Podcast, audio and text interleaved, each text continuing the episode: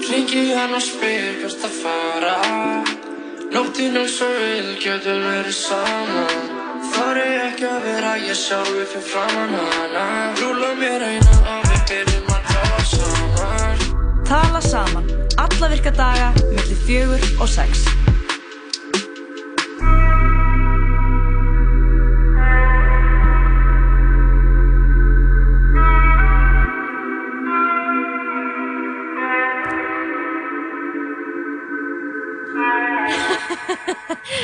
Tals Tala saman hefst ég á þessum eh, fallega mjög degi. alltaf sami prakkarinn, Jói. Jú, jú, jú, jú. Jú, jú, það er nú Það er nú að byrja hérna góðu þáttur í dag hérna, ég tala saman Jú, jú, það er mjög rétt. Fáum til okkar góða gesti, líkt og vanin er. Uh, Tómas Andris Tómasson, eða Tommi á búlunin, svona þættur.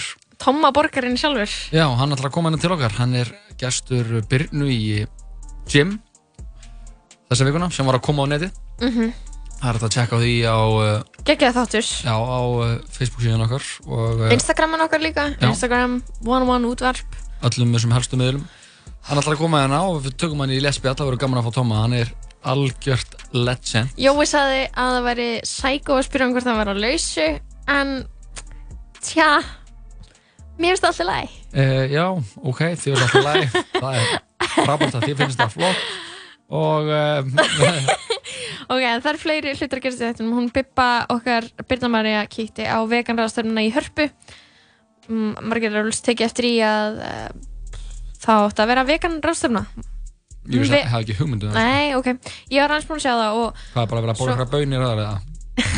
Finnst þetta finnst aldrei og sért sniður aldrei og sért sniður? Já, mér finnst þetta Nei. smá nei, ok, ekki. Allavega, það eru enga bönir. Enga bönir þar. Birna Nei. ætlar að koma og segja eitthvað frá.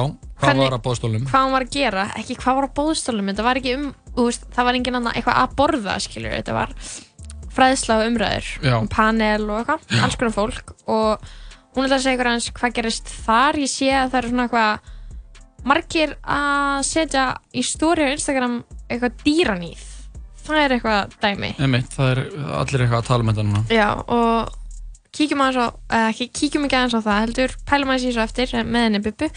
Og svo eh, eftir að hún kemur þá verður hann Ísak Henriksson hjá okkur. Já, ætlar að hjálpa okkur að leysa vandamálið.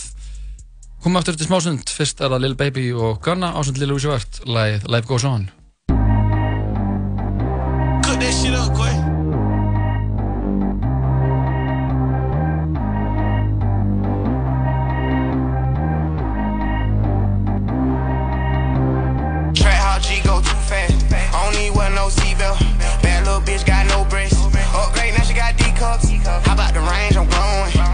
Who is the baby? He going it. Man, these old rappers getting boring.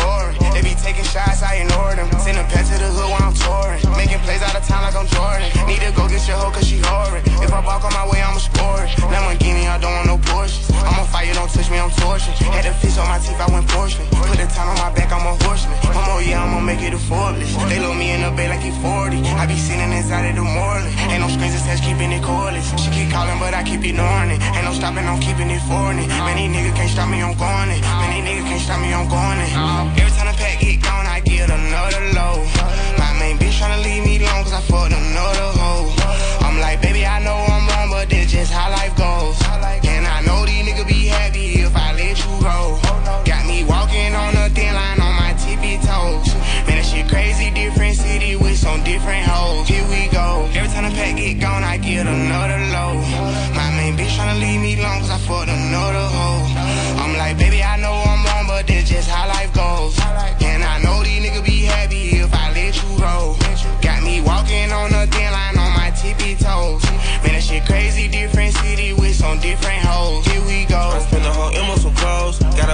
Sold the show. Gonna hot like a pot on the stove. Yellow AP on all of my hoes. I like when they wet on the toes. Picture me riding around in that rose. I put some ice on my wrist, it was swole. Got time to lay over with you hoes. All of these drugs in my body, I got paid somebody keep checking my pose. Walk in the club with no one take care of the money, they swing on the pole. Water on me like the sunny, I shine when it's sunny, just platinum and rose. Gonna gonna out the street when I go to DC, I'ma fuck with the mo.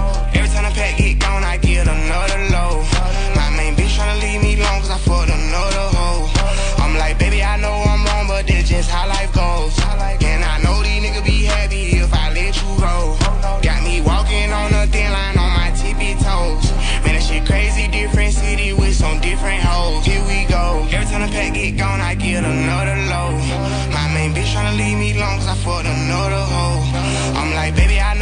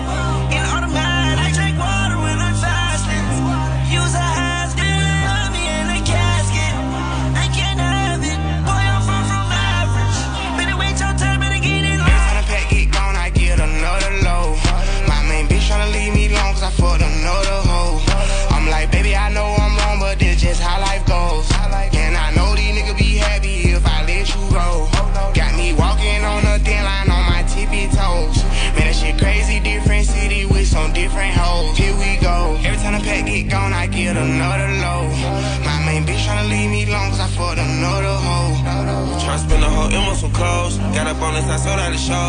Gonna hot like a pot on the stove. Yellow AP on all of my hoes. I like when they wet on the toes. Picture me riding around in that rose. I put some ice on my wrist, it was swole. Ain't got time to lay over with you hoes.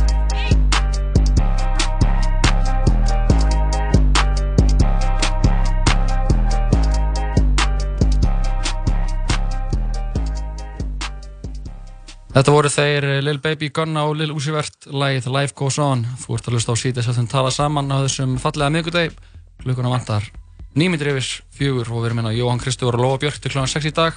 Og til okkar er komin góðu gestur Tómas Andris Tómasson eða Tóma Búlunni, betur þettur, verður velkomin Takk fyrir það, halló. Halló, hvernig hefur það í dag? Bara nokkuð góður, ég var að koma úr World Class. Varst það að koma úr klassinum? Já, já, já því? If you don't use it, you lose it. Já, þetta er góðu lína sko. Já, já, hún virkar í öllu. Hún virkar í öllu sko.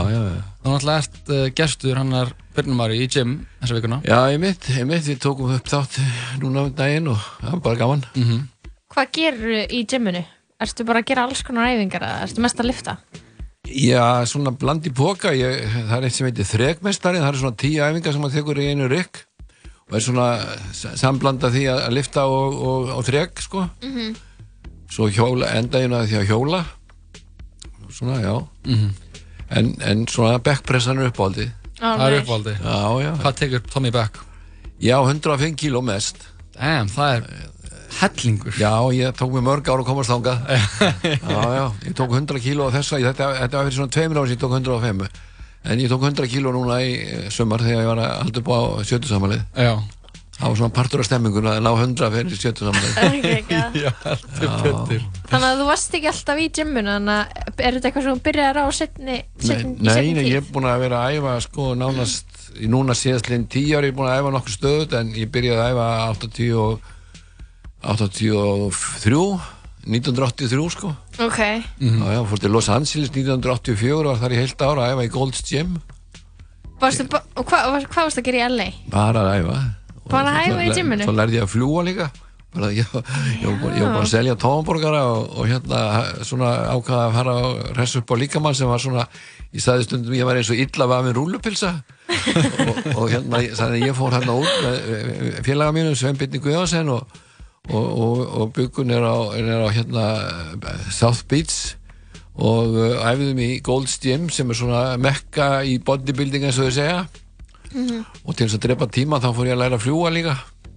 Og svo var ég náttúrulega bara að borða á veitingarstöðum og fá yfir með Los Angeles feelingin, ef við getum orðað þannig. Ok, geggja. Hvernig var stemningin svona að koma frá Íslandi til LA og búa þar í ár, eða ekki? það var alveg bara, maður var eins og illa að gera hlutu til að byrja með. Keftum okkur bíl og svo hérna, höfðum ekkert landakort þannig að við bara kerðum og kerðum og kerðum og viltust og viltust og svo smá saman þá kom þetta bara. Já. já, já. þetta var bara gaman. Um Og þú seldi tómanborgara, það var 73, segir ég Nei, nei, það var sko 1980 og, Já. og, og, og, og þrjú, 84, 84 seldi ég tónborgara Já, og svo komu einhverju staðir þegar ég kom tilbaka þá svona fór ég á stað og, og það komu nokkri staðir Sprengisandur og, og hérna Hard Rock Café og Amalú, ég hef aldrei talað um Amalú í, í viðtali áður. Mm. það var skemmtistæður sem var opinn í fjö, þrjú, fjögur ár í, í, í kringlunni. Skemmtið þar í Ok. kringlunni? Já það var svona dansstaður ef við getum orðað þannig svona það er lítið þá í dag. Amalú, það er gott nafn. Hvernig var að skrifa? L-U eða? Já, Amalú, am, am, amma mín hétt sko Lofisa, Já, Guðrún Jakobina og, og hérna, og hún var alltaf kölluð Amalú, að því að hún er sko, eh, var upp um, um hérna aldamóti 1900, sko, altså hún er fætt 1885 og, og það var svo mikið danst yfirbrag, þannig að það, það sem héttur Lofisa voru kallað Louisa, þannig að hún er alltaf kallað Amalú og ég skýrði skemmstæðin í höfuð á ömmu minni Og var góð- og var góður stemmari á Amalú? Það var rosalegt, það var bara meiri háttar. Var það eini skemmtistæðinu sem þú hefur reikið eða? Nei, svo vorum við með skuggabarinn og, og hérna Hotel Borg og svo náttúrulega opnaði ég Vilda Trilda Villa sem var skemmtistæðu fyrir, fyrir hérna átt að vera fyrir táninga en, en þeir kom ekki þannig að við breyttum í, í, í hérna í Safari sem var svona skemmtistæður og var hérna nýr á skólagötu í mörg ár. Ok, vilti trilti villi, hvað var þá, ef hann var fyrir úlinga, hvað var þá, hver er pælingin? Sko þessum tíma, ég opnaði hann 1982 þá var engin skemmtistæði fyrir úlinga eh, en, en hérna og, átjóran aldurstakmark þannig ég sagði að það lítur að vera grundöldl fyrir því að vera með skemmtistæði fyrir 16 til 18 ára en, en svo opnuðu fullt af viðmyndingastöðum og menn fóru svona að hleypa inn aðeins yngra og, og þannig að þetta var svona gekk ekki eins vel og skildi Ok, ég skil. þetta var áfengislega staður sko Já, ok. Einmitt, og þá breytið honum í Safari já, þá breytti honum í Safari og, og svo var hérna Casablanca í beinu framhald af því Já. en ég var þá farin út úr þeirri mynd Einmitt. Þú náttúrulega, þú kemur inn á það eins í þann að ef við tölum um það, þú vorum já, að taka upp þáttinn að þú náttúrulega kemur með sushi líka til landsins, fyrstu manna. Já, það, það gerði við 1993 á Hotel Borg. Og hérna ég fekk japanskan sushi gott sem heit Tsune sem að hafi verið í New York í ára 10 og, og hérna við þennan svaka sushi bar og brjálaði að gera í einn mánuð. Svo fann svona að dofna og eftir þrjá mánuði þá voru fólk hætti að koma því að fólk var ekki tilbúið þannig að, að hérna, ég hætti með þetta að koma aftur eftir sex mánuði og, en núna getur þú fengið sushi út um allan bæ Við veitum ekki sushi í 10-11, sko. ja, ekki spurning sko, kemur allir í partíður sem sé ekki bara sushi er rétt, sko. en við vorum svolítið á undan eh, okkar samtíð sko Já. þeir njóta sjaldan eldana sem fyrst í tendra Einmitt, Það svo er rétt Svo, góðu frasi, sko. En hvað, na, af, þú byrjar, er ekki tómaborgarar svona fyrsti reksturinn sem þú ferð út í, eða? Jú, sko, ég hafði verið í félagsemlunum festi í Grindavík í hérna þrjú ár og fjóra mánuði frá 1974 til 77 þá var ég svona framkvæmdastjóri og þar voru sveitaböll Já. um hverja helgi þannig ég sem sá um það en, en, en, en var, var ekki minn eigin rekstur Einmitt. en svo opnaði ég þess að tómaborgara 1981 nýkomin og meðferð fyrir, fyrir hérna, alkoholista Og var mjög metnaða fullur og kerði bara, opnaði bara stað. Já, já, það, ég bara hérna fekk ég við með andan og, og bara átt engan penning og bara kildi á þetta. Það var bara gaman. Já, og hvað kom til að ákvæmst að selja svona skömmu eftir? af því ég sagði sko, þegar ég opnaði þá sagði ég galvaskur ég ætla að selja annarkort miljón hambúrgara eða vera þrjú ár Ok, og það var eiginlega nákvæmlega miljón hambúrgarar á þreymur árum. Ok. Þannig að ég- Milljón hamborgarar? ég, sem sagt, já, ég, ég hérna einhvern veginn ég er svona, við getum sagt að ég sé svona náungi sem byrjar á hlutunum og, og svona kannski endist ég ekki endalust Ok, en þó ég hafi núna verið svona sem í 15 ár með, með búluna þá er það einhvern veginn an, annað. En, en, en þarna var ég að opna fullt af stöðum og bara hafði gaman að þessu og hvað, na, af hverju hambúrgarar? Já, það var nú bara eh, hefni ég bara kom úr meðferð og fekk ekki vinnu og var með háar hugmyndur um að opna steikhús. En eh, ég einhvern veginn var ég að vandraðist þarna og svo kemur félagi minn Þórir Gunnarsson og segir heyrðu, viltu ekki hjálpa mér að opna hambúrgarstæðinu á lögavegi og ég hafði ekki neitt annað atvinnum tilbúð þannig að ég bara kýldi á það og, og við opnum stað í sammenningu eða hann náttúrulega átti staðin en ég var svona, ég fekk að ráða ferðinni. Það hétt Vinnís.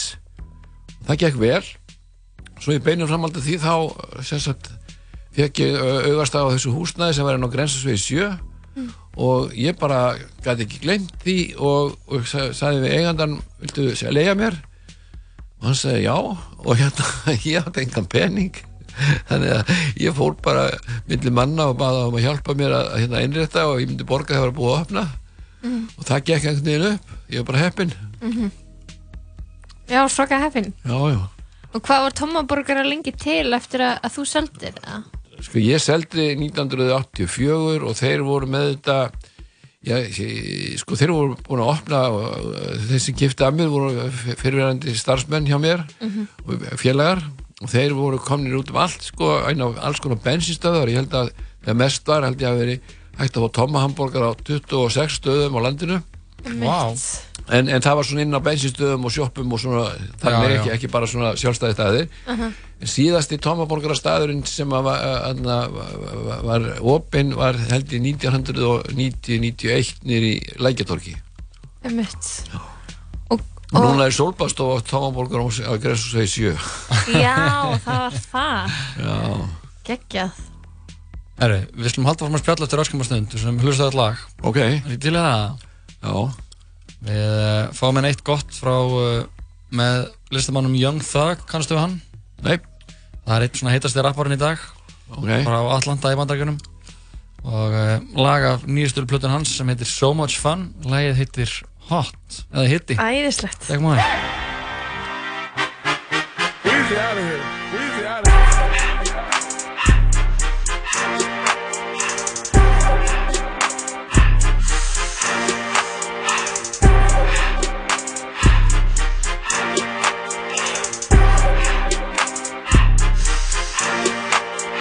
Everything litty, I love when it's hot.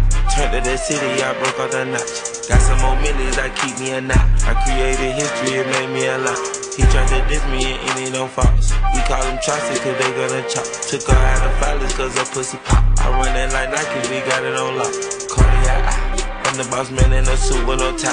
I can't be sober, I gotta stay high. Put me some syrup in the can and it's dry. Riding the special like Bunny and Clyde. Don't worry, baby, I keep me some fire. Shenanigans and burgers, she cannot decide. The ladies Mercedes will go to surprise. Don't sleep on Miss Lady, her pussy a prize. Digging her back while I'm gripping her side. Digging my back, this ain't regular size. You really fly like pelican guys. Get you range slick, I can tell her the skies. I play that my wrist put her gas in the sky. She think I might sign her and change her whole life. I told her to goggle and work on her highs. Everything litty, I love when it's hot. Turned to the city, I broke out the notch. Got some more millies, I keep me a knot. I created history, it made me a lot. He tried to diss me and any don't false. We call him Chaucer cause they gonna chop. Took her out of filers cause her pussy pop. I run it like Nike, we got it on lock. K, money, K, K, eh, this.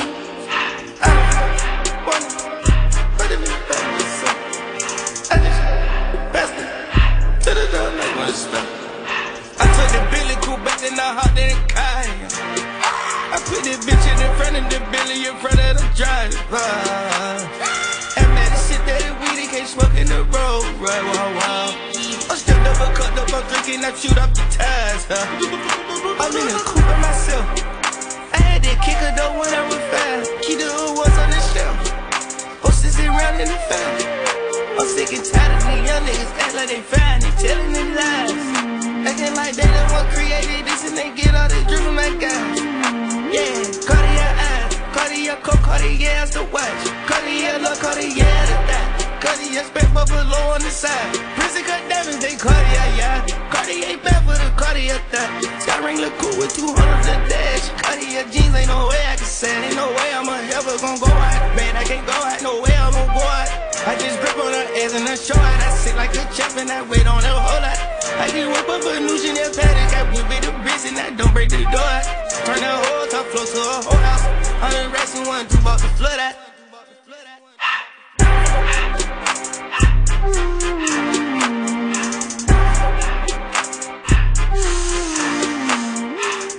Young Thug og Gunna lagið Hot af plötunni So Much Fun með Young Thug síðast átturinn tala saman í fullu fjöri hér og með okkur er Tómi Abulunni í miklu fjöri Halló Halló Ég var að spyrja þann hvað mótil þú væri, þú veist, 1949 mótil. 1949, ég var 70 ára árinu Hvernig var sjötusámali? Hvað gera menn þegar þeir eru sjötur?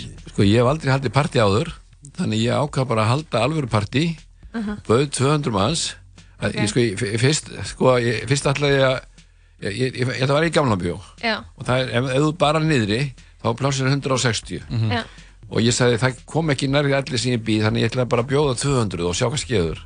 Svo komu 204 sko, Það voru tveir sem afbókuðu sig að þeir voru erlendis. Þannig að það voru 200 maður í partíinu. Og ég ákvaði að koma fólki óvart. Þannig að ég fór og, talaði við Byrnu Björns dansskóla Byrnu Björns af því dótti mín Úlfildur hún er, að, hún er hérna að læ- læra að dansa á henni, búin að vera í mörg ár og ég sagði við Byrnu Björns að mér langaði til að koma gestólum á óvart og dansa uh, lægið hans uh, Michael Jackson Smooth Criminal eins, og, eins og Páll Óskar gerði í skaupunni hérna. Ok. þannig að ég let sauma á mig hvít jakkaföld og ég var í þrjá mánuði sko, tvo, þrjá dagi viku að æfa mig. Ég held ég ætla aldrei að ná þessu. Og, og hérna og, og svo uh, þess að let ég þýða lægið yfir á, á, á íslensku og í staðin fyrir sko Ísland er í lægi þá er það búlanir í lægi, lægi, lægi, búlanir í lægi og, og, og svo söng ég þetta inn á, inn á í, í stúdiói og svo spilaði ég þetta sagt á, meðan ég var að dansa en, en, mæmaði lagið þannig að, að það var ég sem söng lagið sem ég var að dansa við. Vá, þetta er svo úthugsað. En, og, og það vissi enginn af þessu. Og það var, það var málið sko ekki eins og sinni mínir sem vita allt og, og ég fæ ekki frið fyrir þeim að þeir vilja fylgjast með hvað pappina er að gera. En þeir vi- það var bara dæ- dætur minn og tvær sem vissu þetta því að Úlfhildur dansaði og, og Melgorka var svona myndir hals og trös Vá. Og hvernig var tekið í þetta? þetta bara fór á YouTube það eru 12.000 manns búin að skoða. Tommy 70 party Og maður að leita því á YouTube og, og njóta. Tommy 70 party þá getaði mann séð mig dansa í Michael Jackson fötunum. Og svo sagt í, í, í, í, dansinu þá hallar Michael Jackson sér svona í 45 gráður. Já. og það geta það ekki allir. Það geta það engin raunverulega því að maður bara dettur niður ef maður komið niður í, niður í svona 75 eða eitthvað. En, en, en, en ég kefti sérstaklega svona skó sem eru þannig að maður festir þá við, við gólfið og þá getur maður halla sér niður og, og tilbaka aftur en það tók alveg hreint tvo mánuð að æfa þannig Þetta er geggjað. Ertu mikill dansari eða? Nei, ég, hef aldrei, ég, var að, ég, ég, ég er með fóbu, ég er með höfnun ég, ég þóla ekki að dansa, ég held ég sé svo hallaræslu En svo bara gerur þetta og langar þér núna meira að dansa eða? Já, þannig að kveikta þess í mér ha, Þannig að ég var að spá í sko, dótti mín, Úlfildur, hún dansar alveg öllum stundum og hérna, að ég var að spá í hvort að ég get ekki bara að fara í til Byrnu og lært svona prívat eitthvað svona sem hún er að gera Hvernig dansmyndið er langa að læra?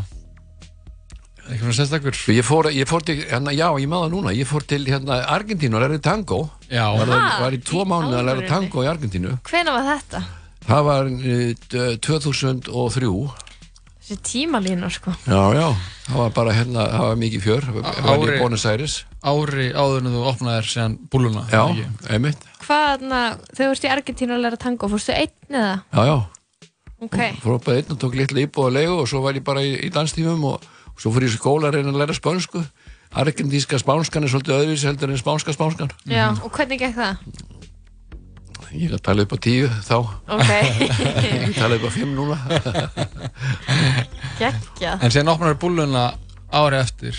Já, ég opnaði búluna í april 2004 Já, og það kom nú til að því að ég var hérna, ég var búin að selja Hotel Borg og allt sem ég hef verið að gera og ég held að ég væri svona sestur í Helgan Stein svo bara fattaði ég einn daginn að ég var blankur og, og, og, og, og eiginlega það sem vakti mig til vitunda var, var það að ég var með síma sem að hérna var með svona fyrirfrangreittu hérna þið vitið, maður mað kefti sem sagt tíma já, já. og minnsta greiðsla var 500 kall og ég þurfti að fara inn á þrjá bankar til að finna samtal 500 kall sko, það var 100 kall, og 200 kall og 200 kall þá segi ég sjálf að mig, nú er ég að fara að gera eitthvað hérna, ég er orðin blankur Tommi á borginni á ekki krónu. Þannig að ég, ég sagði þetta og svo bara eh, sagði einhver okkur fer ekki að steikja hambúrgar? Og ég sagði hambúrgar og ég, wow, það er löngu liðin tíð. En þegar fólk fór að tala um það þá allt í einu bara spert allir upp eirun já, Tommi er að fara í hambúrgarbrassan eftir þannig að ég sagði bara, já, já, ok, ég skal bara slá til og við slóum til og, og hérna, það er 15 ár liðin Já. og nú eru staðir hérna nú 18 eða 19 staðir í það heila 7 á Íslandi og svo erum við staði í, í, í, í London eru uh, tveir staðir og Oxford með að segja. Berlín eru þrý staðir.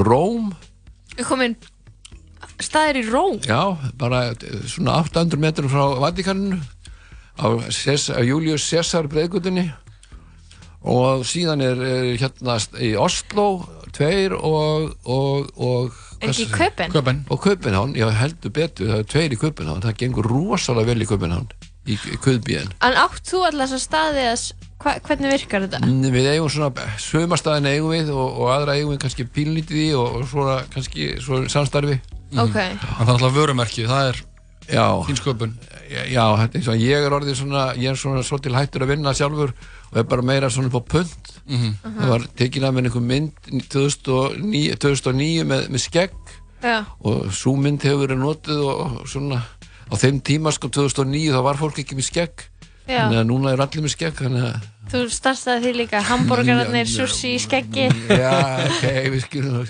bara mannlegi þá er fulleringu. En hvað, ég trúi sér alltaf að þú hefur ekki dansað mikið, varst ekki að opna fullt af skemmtistöðum og varstu þá bara út í hotni, Já, já, bara heldur betur sko. Ég hérna bara þorðið ekki út á gólfið. Þetta var bara, ég fekk höfnuð þegar ég var, ég var í gagfræðaskóla. Ég fór í dansskóla Jóns Valgeirs Já. og lærði að dansa djæf Mhm. og svo kemur, þetta var kallað, það voru kallað dansæfingar, ég var í fyrsta bekk Mhm. og ég aðeins lánaður að býða hérna upp stelpur, svona hugulegri stelpur sem heit Elli, ég man alltaf eftir þessu svo feði þetta á gólfið og ég byrjaði að dansa eitthvað sem ég held að vera í djæf og bara eftir svona 30 sekund þá stoppar hún og horfir á lappindur og segja, hvað er þetta að gera? og ég fekk svo mikla höfnun og ég bara hef alltaf þórað á dansskólu síðan Og, ekki en þú varpa. hlýtur að vera komin yfir þetta núna, eða ekki? e, það má nú deilum það Það deila það. já, það En þú er búinn að taka skref, þú er búinn að fara að læra tango í Argentínu Já. og tókst ma- smooth, smooth criminal á sjötusamálinu. Já, já, já, Þú þarftu bara að bjóða stelp upp í dans. já, það er næsta skrif Þú þarf bara að ringja henni Elli þegar þú eru áttræðar og, og bara dansa með henni þá, Já, sko. bara ekki Langaði að halda eitthvað annað svona partí, heldur þú? Það er næsta partí því ég er 75 ára það er svolítið langt þangað til að ég einhvern veginn ég er ekki búin að plana það en þá Nei, nei, nei. nei, nei. En þú ert með óskarlægt, Tommi, eða ekki? Jú, ég hérna mig langar að heyra og leifa öllum að heyra lag sem ég fíla mjög vel og hérna ég er bara nýbyrjar að hlusta á þessa útgáðu laginu það er lag eftir Dolly Parton sem heitir Jolene en í þetta skipti er það White Stripes sem að leik og syngja Einmitt. Það er bara geggjað. Hlustum á það og bara takk að kella fyrir komuna í, í tala saman. Já, takk fyrir að bjóða mér, ég er bara stoltur, það er gaman einhver mann eftir banni Já, menn, það er bara æðislega að fá þig og, og við mælum líka með að fólk hann að sekja á þættinum með, gy- eða, það, það sem verður til gym. Já, Með Bubbi. já hann er koni, hann fór í loft, ég skynst að hann hafi farið í lofti á það Já, hann er komin í loftið og síðan alltaf getur fólk rekist á þig í, í World Class. Þú ert þar alltaf, oft í viku. Inn í laugum. Já, inn í laugum. Alltaf klukkan tvö. Alltaf kláðan tvö, þannig að fólk vil hitta það er er open. Þá ertu þar að æfa með ívari, oftast eða ekki? Jú, Færðu þér aldrei hambúrgar eftir æfingu eða? Er hann góður eftir, eftir workout? ég fæ mér hambúrgar hverjan sem er. Ok. I love it, í kvöld ég að fara á Hard Rock Café og, og fá mér hambúrgara því að hérna, ég, ég- já, bara fylgjast með hvað aðrir eru að gera. Já, það er líka stemmari. Það er mikilvægt að fylgjast með. Já, Tommi, takk hærlega fyrir komuna. Já, takk fyrir mig. Endum þetta á óskarlægi frá Tóma. Þetta er White Stripes, lægið Jolene eftir Dolly Parton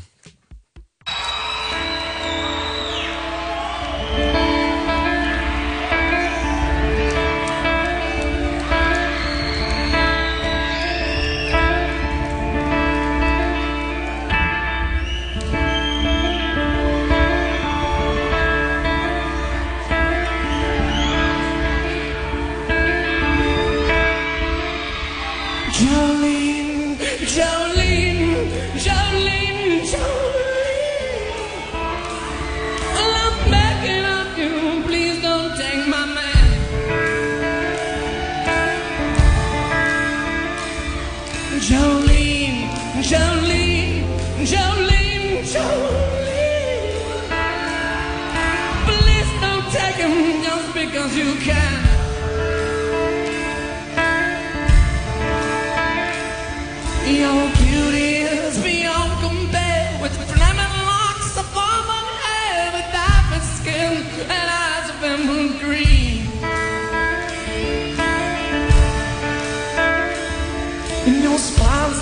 Like a breath of spring. Your body sound like summer rain, and I cannot compete with you, Jolene. And I had to have this talk with you Cause my happiness, it depends on you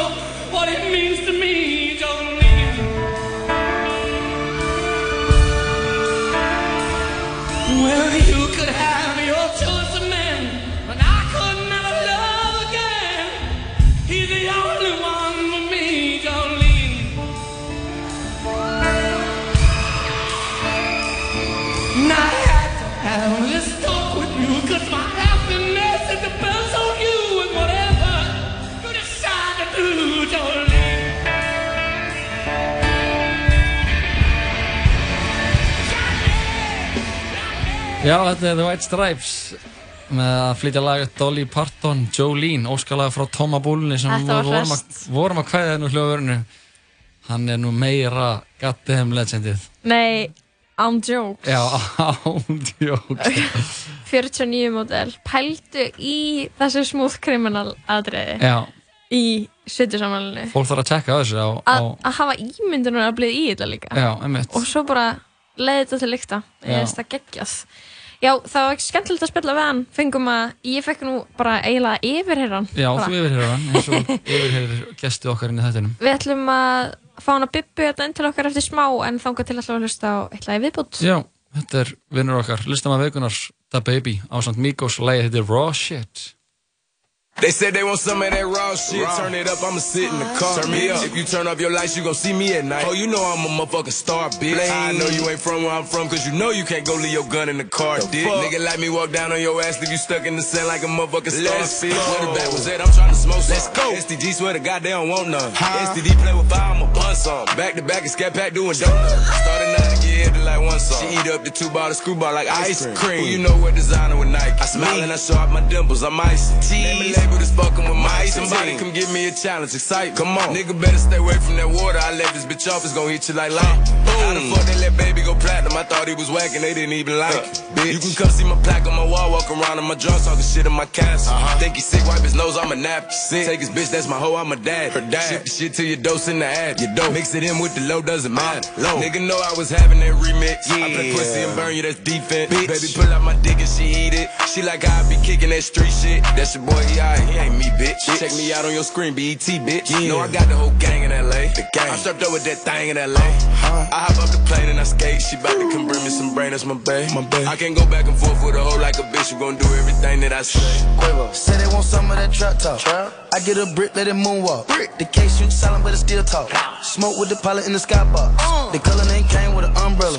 But guess no prongs, they stand together. I lift my arm and change the weather. Turn the bitch from none to a Cinderella. They said they want some of that raw shit. Turn it up, I'ma sit in the car. Turn me up. If you turn off your lights, you gon' see me at night. Oh, you know I'm a motherfucking star, bitch. I know you ain't from where I'm from, cause you know you can't go leave your gun in the car, dick. Nigga like me walk down on your ass, leave you stuck in the sand like a motherfucking star, bitch. They said they want some of that raw shit. Turn it up, I'ma sit in the car. Turn me up. If you turn off your lights, you gon' see me at night. Oh, you know I'm a motherfucking star, bitch. I know you ain't from where I'm from, cause you know you can't go leave your gun in the car, dick. Nigga like me walk down on your ass, leave you stuck in the sand like a motherfucking starfish. I feel like I'm sipping on activists. Might as well turn to an activist. The meeting was corporate, walked in like we been there, man. They know we really was savages. Ain't in the UPS or with the FedEx, but a nigga be packing it. Ain't tryna brag about so tell them someday I don't know, but a nigga be having it. Metal on me all time, beefing with metal detectors and magnets. Bitch, you said in the baby, hit the red track just to see who the fastest. They just came out of a cast, don't make us put your bitch ass in the casket. Don't. We reppin' the plastic, Ashley. I get the bag and hot like a dragon. I hit the cook, then I ash it. I fish to the demon, I drag it. These niggas broke, maggots. Take your bitch throat, stab it. All them motherfuckers got added. Grab the stick, pay the hit when it's static. Yeah, my bitch is the baddest, I'm bragging. Quarter mil on the Richard, it's plastic.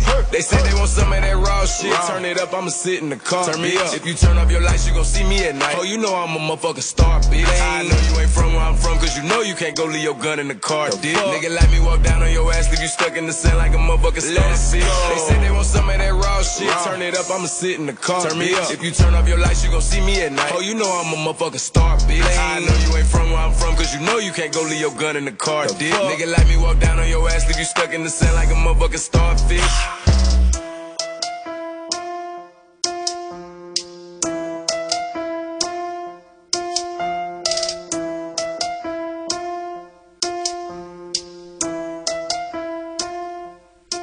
Þetta var rapparinn eh, Da Baby sem er listamæður vikuna hér á út af 100 einum ásand þrýginu Migos, lægið Raw Shit. Við höfum vona á henni Birnu Marju til okkar eftir verkefum stund. Hún ætlar að segja eitthvað frá vegan ráðstöfninu sem hún fór á í Hörpu. Hörpu fyrir dag og uh, síðan fáið til okkur Ísak Hinriksson síður í þáttunum sem ætla að hjálpa okkur að leysa vandamál hlustenda. Nú landfræði var hægt, vorum að hvaðja Tóma á búlunni sem er gestur Birnu í gym þessa vikuna. Við fáum hérna eitt gott lag í viðbót áður en við bjóðum hana Birnu inn í hljóðverið og uh, já, við erum í stuði Lóa, þú ert í stuði Um, já, ég var að tjekka þess á vídjónu sem að Tom er að dansa í sjötusamlunum sínu og það er að koma mér í svo gott stuð. Já, við, verðum- að láta, þetta fylgja Anna, Við setjum þetta, við, setjum, við komum þessu áhlustundur okkar, þetta er líka þetta að leita, sko, hambúrgar og Tommy 70 party. Þetta er bara besti titillin, sko. en uh, hún uh, söngkonan Matildur sem var gestur þáttarinn sérna í gær og uh, fyrir dag, hvað var það? Hún var á mándaginn. Hún var á mándaginn, já. Hún var að gefa út plötunum sína, My Own, eða EP-plötunum sína, My Own, sem á Spotify bara núna í nótt. Já, það verður, uh, held ég, partí og útgóttónleikar á keks í kvöld. Já, klukka nýju, frittinn, við ætlum að spila fyrsta lag, lagið þessari EP-plötu. Það uh, ber heitið Wonder. Geðveikt. I wonder why you looked my way. I wonder why you smiled my way. I wonder why you held my hand. Yeah, yeah. I wonder why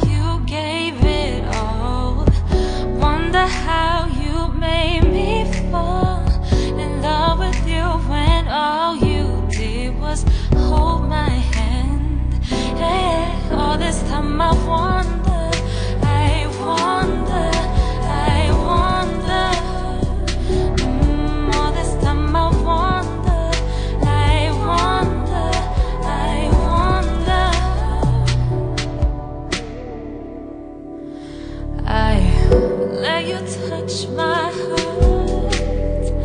You were my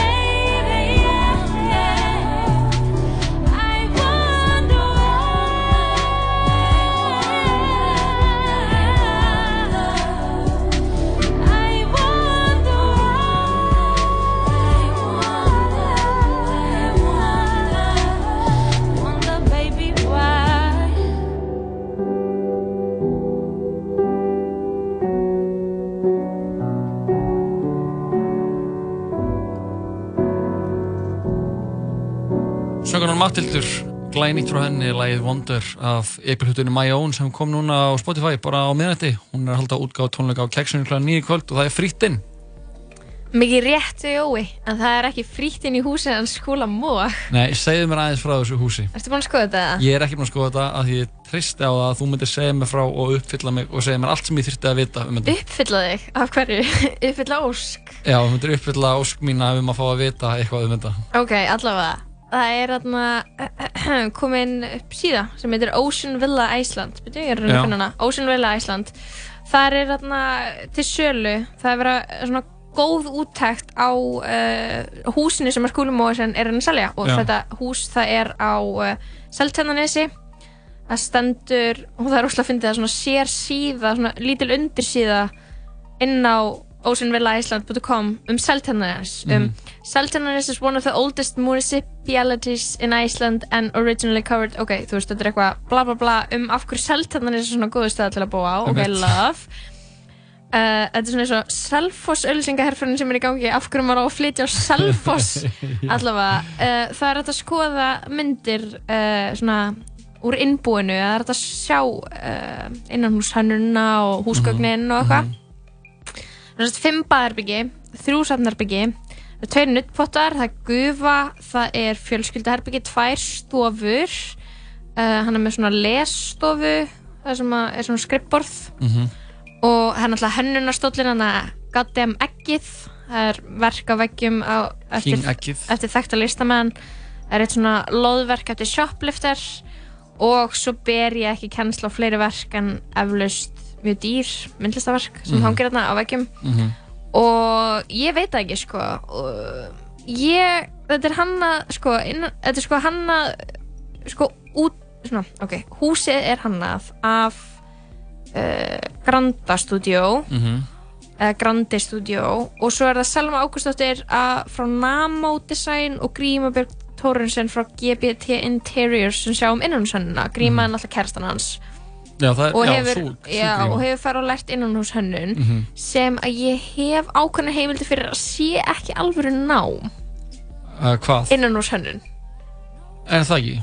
Nei, eða þú veist, þú veist, það er hægt að vera arkitekt, Mhm. skilur við, en að vera eitthvað svona innanhúsarkitekt, Það er basically bara Það að, smá með, svona- með gráði að raða já.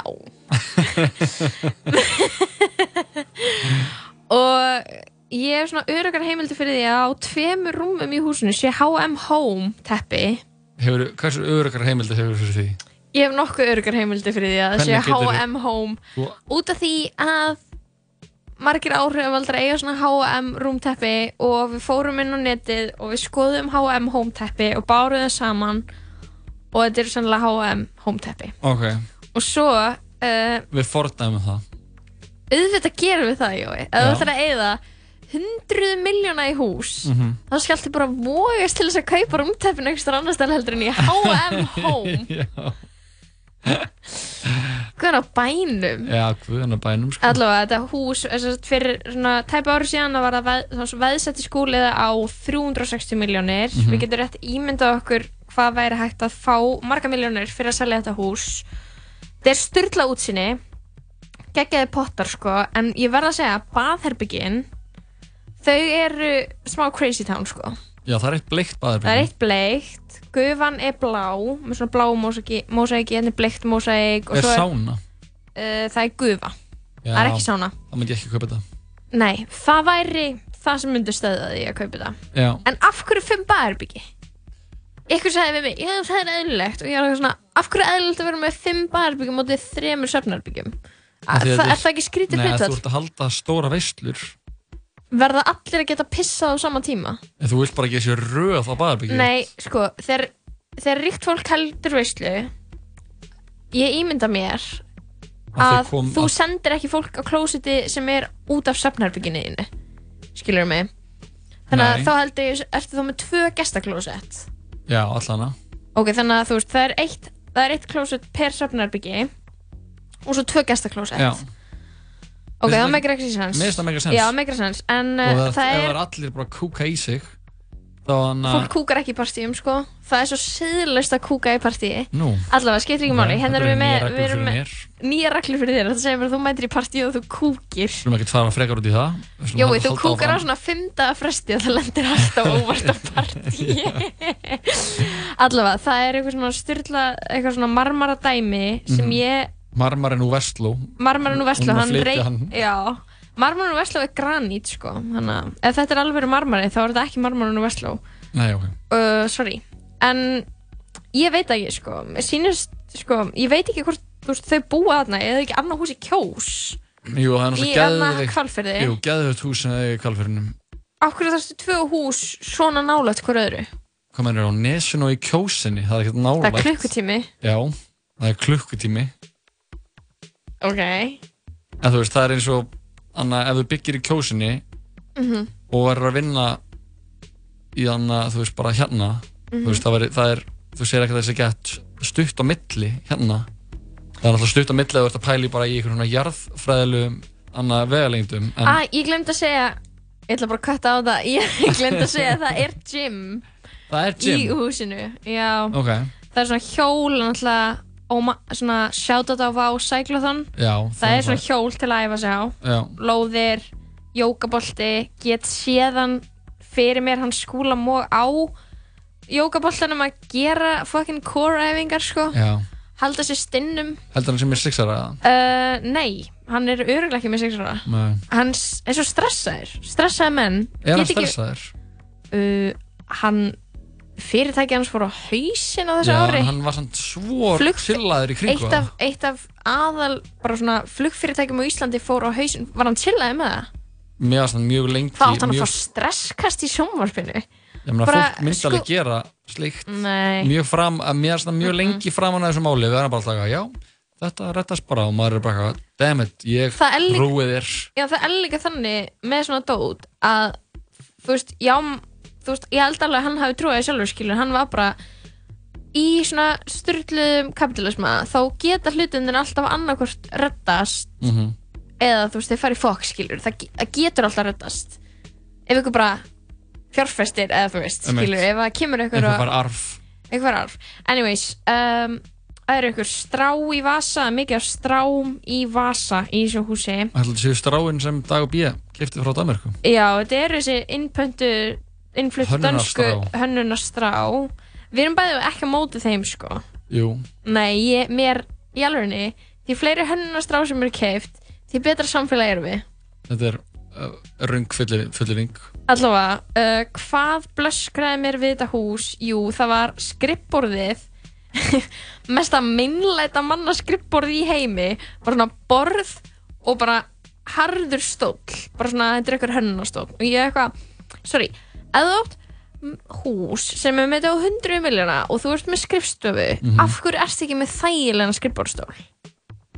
og hvernig ætlar að bjarga flugfyrirtæki frá því að fara á hausinn ef þú getur ekki einu svona setið í þægilegum stól Einmitt, þetta er alveg þetta er ágætis punktur hjá þér sko síðan fyrir með stífan sveittan og stífan að reyna að skæpa kom bara með verk bara stífan í upp í bakinu kom bara með verk upp í axlir. Ég veistu ef það er einhver sem að þarf að fara til kýropraktors ef það er einhver sem þarf að vera með tvo nuttpota á sánu Mhm. það er að skúli móður sinn.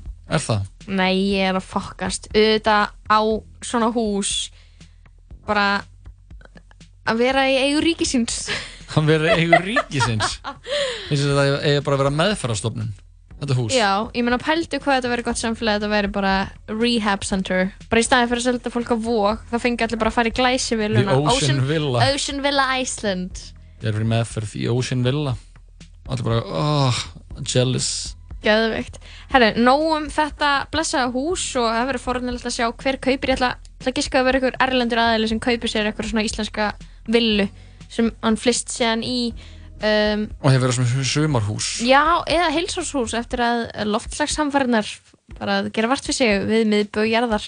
við miðböðjarðar Uh, við ætlum að fá hana Byrnumarju til okkar. Hún er með skemmtilegt einslag um vegan ráðstefnuna í hörpu. vegan Vigni, karakterinn hans Arons við, nei, hún er ekki fara að tala um hann, Jói. Way, að villa um. vegan Vignir, karakterinn hans Arons Móla er byggður á Lóa Björk Það er ekki satt. byrjun að kemur eftir að skamma stund fyrst eða Gucci Mane og Migos, I get the bag Scooch. Drop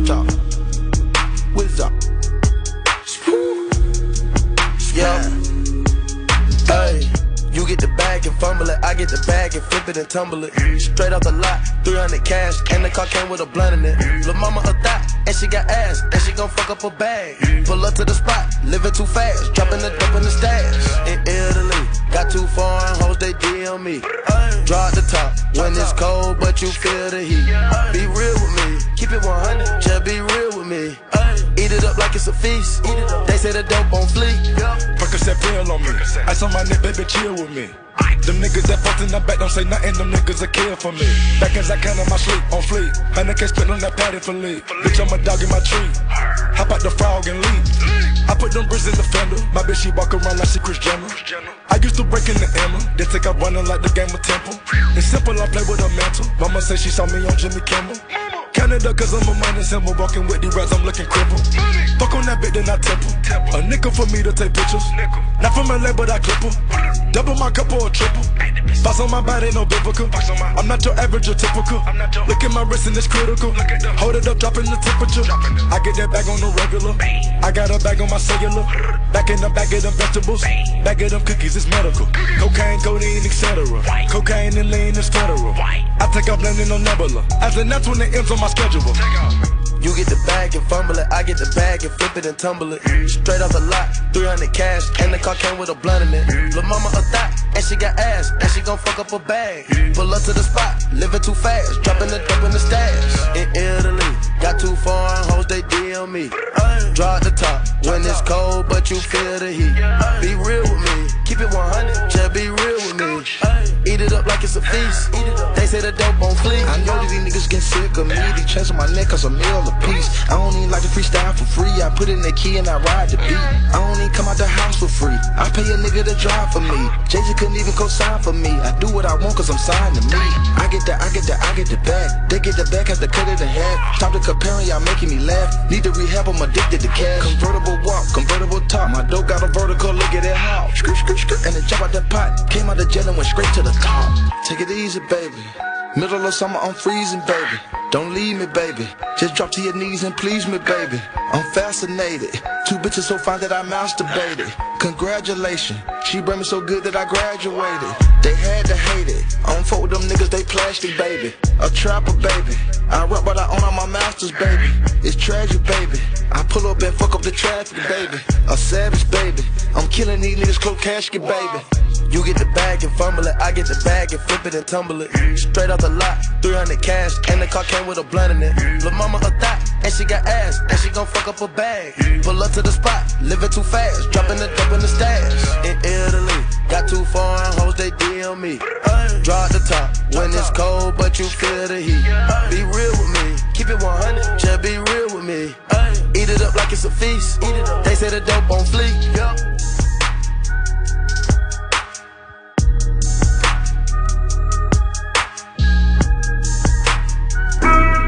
Þú getur hlusta á alla þættina af Tala Saman á Spotify. Ótakmörkuð símtöl og SMS 60 GB á aðeins 2990 krónur Sambandi Símafélag framtíðarinnar Mmm, þetta er góð matur. Skál, hlemur matöll. Af því að mægin á skilið eitthvað gott. Serrano. Fresh, happy, max.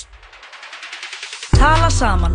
Alla virka daga, millir fjögur og sex. Í bóði Dominos og Zombieland Double Tap Frumsýnd 25. oktober Já, það er síðan að tala saman hér í fullu fjöri Jóhann Kristóður Björk með, með til kl. 6 í dag Já, við Fyrir erum- okkar er komin eh, Birna Marja Birna, verður velkomin Gott að fá þig Takk, takk, takk, takk. Ég ætla að segja, Hvað ætlarðu að segja? ég ætla að segja, já, við erum innan með þér en við erum óvinnir.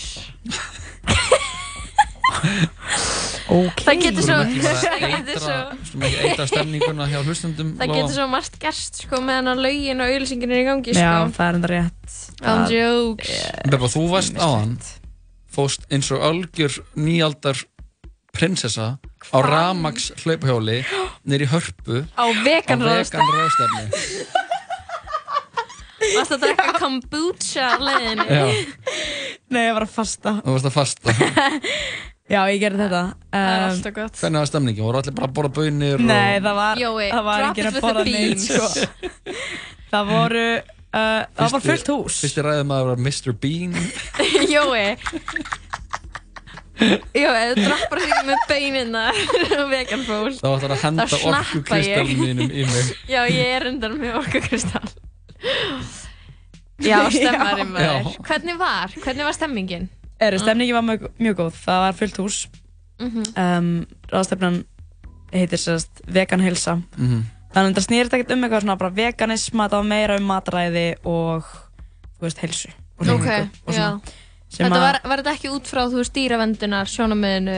Nei, en það, það, það var alveg, þú veist, minnst á það líka Já. sem bara svo einn af þessum punktum en, en hérna fyrirlestinni voru ég náði fyrri helmingnum Mhm. eða raunir kannski aðeins meira Mhm. þar var um, einn sem er svona næringafræðingur sem byrjaði frá Kanada mjög Mm. mikil töffari og fóð bara svona yfir það helsta og hún heitir Brenda Davis og um, hennar fyrirlestur heitir eða hétt Becoming and Staying Vegan in Excellent Health Ok. og minnst þetta vera eitthvað svona sem að fólk er ofta að tala um eitthvað svona að vera eins og íþróttumæður Já. vera að reyfa sig og vera vegan Mhm. að þá þurfur að passa þig svo mikið það passa þig ekki mikið að fá játn og passa þig ekki mikið að fá prótein og eitthvað svona Mér finnst það alveg skiljanlegt líka, íþróttafólk sem ég þekki, það er alltaf svo mikið grænt, það er svo mikið bara vera mættur á æfingu, vera mættur í vinnu, vera mættur Mhm. þangað og þú vilt bara útbúa þér sjúklega fljóðlegt næsti og þú veist, ég skil alveg bara eitthvað sjóða egg eða þú veist, eins og sumir eru bara eitthvað í einhverjum kjúklingabringum og þeir þurfa bara, ég, þú veist, bara það er óslega einfalt að útvega sér það prótein. Einmitt. 100% þannig að þetta verður svolítið svona að tala við, þú veist, kannski þennan hóp á þessu ráðstöfnu eða? Já, en, en ráðstefnuna var samt, þú veist, ég ætla að giska á að, að flestir hérna inni hafi verið vegan. Ok, Já, ok. um, En mjög, þetta var samt svona fyrir þá sem eru vegan, eru kannski að reyna að verða vegan eða bara hafa áhuga á þessu. Já, þú veist, og ég er klálega þar, þú veist, ég er ekki vegan. Nei. Þannig að ég var líka smá svona eitthvað Wow, hvað myndi finnast óþælt ef ég væri bara að rífa kókumjölkina, skiljið En þú ert En- samt ekki, þú borðar ekki kjöt. Ég er bara ekki kjöt og ég er alveg farin að velja mér mikið af svona alls konar öðru í staðin fyrir mjólk og eitthvað svona. Mhm. um, En maður þarf einmitt líka bara að gefa sér svolítið tíma að finna eitthvað sem mann finnst gott. Já. Þú veist, þegar maður er búin að drekka bara mjólk síðan maður var, þú veist, tveggjara, skiljið Núll og svo allt í náttúrulega bara breyta til og finna eitthvað annað í staðinn. Mhm. það er alveg erfitt og þess vegna er alveg skiljanlegt líka að fólki finnist þetta eitthvað svona erfitt. Mhm. maður verður bara að býða svolítið að prófa sig áfram held ég sko. Já, þetta getur, getur verið smá eða svona getur verið smá fráhrindandi held ég fyrir mikið fólki sem eitthvað svona og líka þetta verður svona get preachy að þú veist, þú verður að gera að þú veist, þegar einhver fe- seg, segir að þú Mhm. verður að gera eitthvað þá he, held ég að fólk fái oftast tendensi til að vilja ekki gera það einmitt og svo erum við alltaf eitthvað svona ég veit það ekki, minnst, því það sem ég fílaði við þetta hana, á þessari ráðstefna var engin svona áróður, þú veist, þetta var einmitt ekki eitthvað svona, hérna er gett mikið fólki sem er ekki búið að breyta, skiljið það var, já, já. voru allir svona komnir á sama sem bylgjulengt, hvað var, veist, hvað var bara um, að borða ekki kjöt til, til, dæ- til dæmis. Mhm.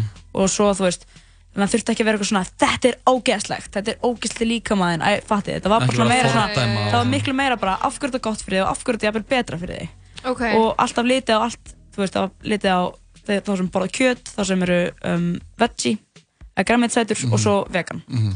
og oft var kannski bara, þú veist, veggie að koma betur út úr einhverju heldur en vegan skiljiði, Ok. en þeir voru líka alveg að kíkja á svörtu Af hverju það hliðarnar. geti verið, einmitt Já, og það er til dæmis bara eins og með mjólk og með þarna kalsjum sem er í mjólkinni Mhm. að þar voru já, og þar voru bara um, þeir sem eru græmitsætur að mælast miklu herri að þeir hætta kannski bara kjöt og borða þá meira mjölkuverum jafnvel, Mhm. Já, þetta já. meira enn í staðinn Ok. og vegan voru alltaf lágur Ok. og meðan við erum alltaf að tala um að vegan fólk er með að finna prótein þú veist, það er eiginlega bara myth En það er kannski það frekar er meira kalk. bara, já, bara meira kalk Já, og B12 miðviku Þetta er- miðvikudagur. að myth- þetta er miðviku dagur, já, miðvikudags mythið Myth dagsins í dag En þetta var, þetta var mjög áhugavert Mhm. og sérstaklega fyrir að ég veit ekki, fyrir mig ég er búin að vera svolítið að skoða hérna dæmið sem er gangin á Instagram núna Já, það er búið að vera Já, hvað er það? Getur þú sagt okkur eru frá bara að því? loga sko. sko, við erum að tala um að, jú, jú, við höfum alveg oft séð ykkur svona myndbönd á netinu af einhverjum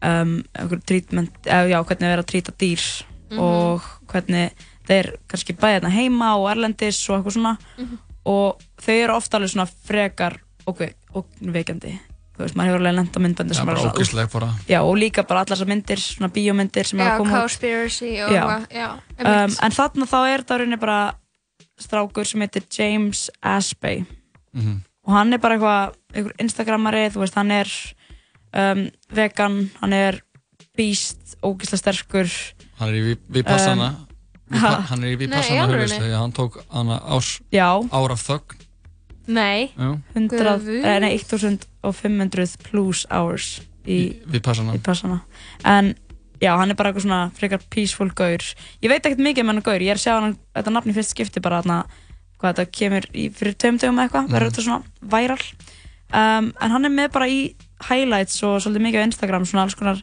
myndbönd af og efni frá svona Sláturhúsum. Er já, svínum og Ekki er hann sjálfur að fara Jú. á þessa staði? hann er þarna sjálfur og þú veist, fólki sem er að vinna þarna þetta er mjög sérstakt sko, af því að fólki sem er að vinna þarna er svona, þú veist, þau taka bara ekki eftir hann síðan, þeim er drullu sama þeir bara útlundum og þetta er ekki eitthvað svona stór fyrirtæki sem er eitthvað að passa upp á ímyndan sína, þau eru bara að gera sitt þetta er bara þeirra Það er bara vinna sláturhús, bara fólk að vinna í sláturhúsi og í, á, í þessum um, myndböndum þá sést bara hvernig er farið með dýrin Mhm. Og þetta er bara frekar erfitt sko. Hvað er verið að gera? ógæðslegt ég ætla ekki að fara að lýsa svo of, Þú veist, of mikið drepa en- dýr á ógæslan Þú veist, bara, ó- þetta er ógæslegt Þetta er bara ógæðslega vídeo og þetta er svo nálegt og hann er bara með þú veist, jú en hann svo, þetta er svo nálegt Jú, en hann þegar er bara maður sér símanum, maður sér tár maður sér þú veist maður sér hann, það að vera að drekja lifandi dýrum í sjóðandi heitu vatni Mhm. þú veist það sést bara í lappinnar upp úr vatninu ennþá svona að hana, svona spilna reyna að komast upp úr Mhm. og þú veist dýr að drekkjast á svona einn blóði og bara, þetta er ógislegt, ég ætla ekki að fara eitthvað svona Mhm. alltaf mikið lýsu Já, hér, já. fólk getur bara að horta á þetta og ég bara mæli með því en á sama tíma þetta er ekki fögur sjón skiljið, Mhm, mhm. þú veist, ég kúaðist og ég, mér finnst ég oftast svona ná að horfa á eitthvað frekar ógislegt sko. Já. um, En er þetta, þú veist, er þetta myndband, þú veist, ég er ekki að eitthvað að dæma, en er þetta í alvörinu svona hluti sem fólk veit ekki að gerist í sláturhúsi? Eða skilur, hvað heldur þið til dæmis að gerist í sláturhúsi Fólk er að bara þau sáu þetta? dofið fyrir því Fólk Já. bara hugsa ekki út í það af því að maður veit að alls konar hlutum sem er að gera svo í heimi þú veist, það er alls konar dót sem gerist en það er ekki fyrir að maður sér vídeo af þú veist, maður veit alveg að það er stríð í gangi en það er þegar maður sér þú veist, einhvern vera að vídeo af einhverjum vera drefn í Mhm. stríði þá er maður bara, oh my god, þetta er hræðilegt Mér finnst mjög áhugavert sem að þurfa að sjá það til þess að Já. vera sannfærir. En við vorum að, eins og við vorum að tala um tala við andra í gær um að við getum ekki þú veist, við, get, við, við tengjum ekki við hluti sem eru bara sagðir við okkur við, við, það, það, það, þurfa að vera Mhm. settir í samhengi við okkar reynsluheim og Mhm. okkar reynsluheim eru svo mikið að einhverju byggjaður upp af einhverju sem við sjáum og einhverju sem örvar okkur þannig Mhm. þannig að mér er skæðat skiljanlegt að maður þurfi að sjá eitthvað svona til þess að,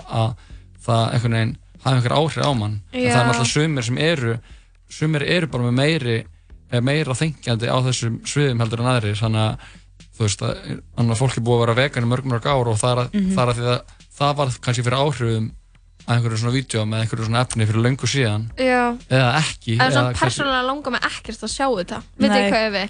Ég fæ bara Alveg svona, sammála. og líka með eins og þú veist fréttamyndir af stríði Mhm. eða þú veist, maður bara svona, ég veit að þetta er hryllingur og ógislegt og það þarf ekki að sannfæra mig fyrir eitthvað um það eða skilur við Einmitt, Þannig að en það er náttúrulega fullt þá af fólki sem er að augu þessar að opnast núna skilur við fyrst En ég held til dæmis að ég hef oft hugsað svona jafnvel að því að mér langar frekar að forðast það Já, já, og, já. ekki, og mér langar bara ekki að trúa Já, um, En mér finnst þetta líka bara að vera, þú veist, eins og með þessa bara ráðstefnu sem er núna Mhm. að ég myndi að setja svona hlutina í samingi við okkar líka veist, okkar pælingar við Mhm. búum, við, við erum öll í svo ógeðslega atna, mismunandi aðstæðum Mhm. og þó að sláturhúsi sem hann er að sína frá sé kannski ekkert eins og hérna í Íslandi þá er kannski Íslandika frekar til að heyra þú veist, punktana hvað var að heilsu skiljiði Mhm. og okkur svona af því að við pælum ógeðslega mikið í því til dæmis og strax svo heyrir eitthvað þetta er eitthvað gott fyrir en þetta er mjög gott fyrir þig Mhm. og En það, það er- þá getur þú orðið sterkari skilur eitthvað svona, Já, þá er kannski eitthvað svona ok, þá ætlum ég að prófa þetta. Maður þarf oft bara að setja hlutirinn líka í eitthvað svona Mér langar annað samhengi. ógislega mikið að veist, fólk sem er á keto það er Já. svo styrla matræði það er það sko. Það er bara byggt á bara kjöti. Ég mitt heyrði hérna, það var kona að lappa út úr salnum á hann og ég veit ekki, þetta er greinlega bara eitthvað svona kona sem að mætir á fullt af ráðstefnum. Að því hún var eitthvað, já ég var einna nú bara fyrir nokkru síðan þá var, var ég á keto ráðstefnu sko og þetta er náttúrulega bara alveg hinum einn, þú veist, þetta er bara já.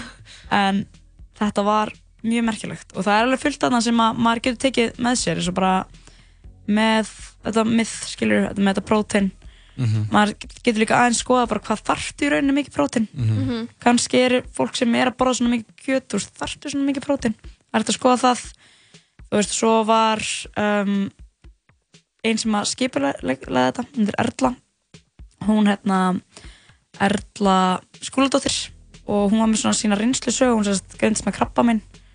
Og þá svona var hún svolítið eitthvað þú var búin að gera bara allt frekar rétt, skiljið um, bara eitthvað sem hún seg, sagði bara, þú veist, ég er bara basic íslensk kona, eitthvað, Mhm. hata að keira og eitthvað svona, þú veist, bara eitthvað. Og þá var hún eitthvað, það eina sem ég get gert það er bara, ég get stjórnað nákvæmlega því sem fyrir onni mig og hún svona tók í gegn og, og er núna alveg vegan. Hún er núna búin að vera svolítið svona um, já, að vinna gott starf. Mhm, En hún er búin að vera svona að promóta þessu, hún, er að halda þessa ráðstefnu. Og hún segir bara eitthvað svona þetta er ekki erfitt, þú veist, þú verður bara að prófa. Og rauninni líka bara að þetta er svolítið svona þú veist, maður er bara að læra eitthvað nýtt. Og þetta er bara svo að læra, þú veist, eitthvað tíma þurftur að læra hjóla. Þú horfir á þetta og varst bara, fuck, ég get ekki gert þetta þetta er eitthvað hjó, tvö hjól, hvernig anskotum á ég að vera á þessum, Mhm. þessu og hjóla áfram? En þetta sé eitthvað svona dót sem að þú mynd geta, skiljið Var eitthvað sem þú sást að þessu röðstefni eða sem hugsaði bara svona já, þetta er gæðvitt góð pæling eitthvað svona vítamin sem hann verður að taka eða þú veist, sleppa því að gera þetta já, eða eitthvað? Sko eiginlega líka bara megin punkturinn í öllu, hvað var það, þessi vítamin og þessi efni sem við þurfum Mhm. að það er að af hverju getum við ekki bara sleppt þessum millivegi og með því er átt við að við erum alltaf að tala um eitthvað svona já þú fær hérna um, eins og bara eitthvað sem við fáum úr um, þara eða eitthvað svona Mhm. úr eitthvað svoleiðis, þú veist, svona seaweed og algae og svona Mhm. að það, við fáum þetta svo eitthvað svona omega efnum Mhm. Eftir að það er eitthvað fiskur búin að borða annan fisk og fiskur búin að borða annað og eitthvað svona Mhm. og svo borðum við fiskinn skiljið Mhm. í staðin fyrir að borða bara það sem að fyrsti fiskurinn var líka að borða eða skiljið Mhm. að sleppa öllum sem, já þú veist og bara með allt líka með þú veist dýrin bara sterkustu og stærstu dýrin í heiminum þú veist þau eru að borða mest megni græmiti bara já. og þú veist, við þurfum ekki alltaf að fara þessar við erum alltaf að býða eftir að láta þessa orku fara í gegnum ógslag marga einstaklinga sem, sem eru dýr Mhm. til þess að borða svo bara eitthvað eitthvað steik sem er með þessu í stæðan fyrir að borða bara nákvæmlega það sem að fyrsta dýri borðaði.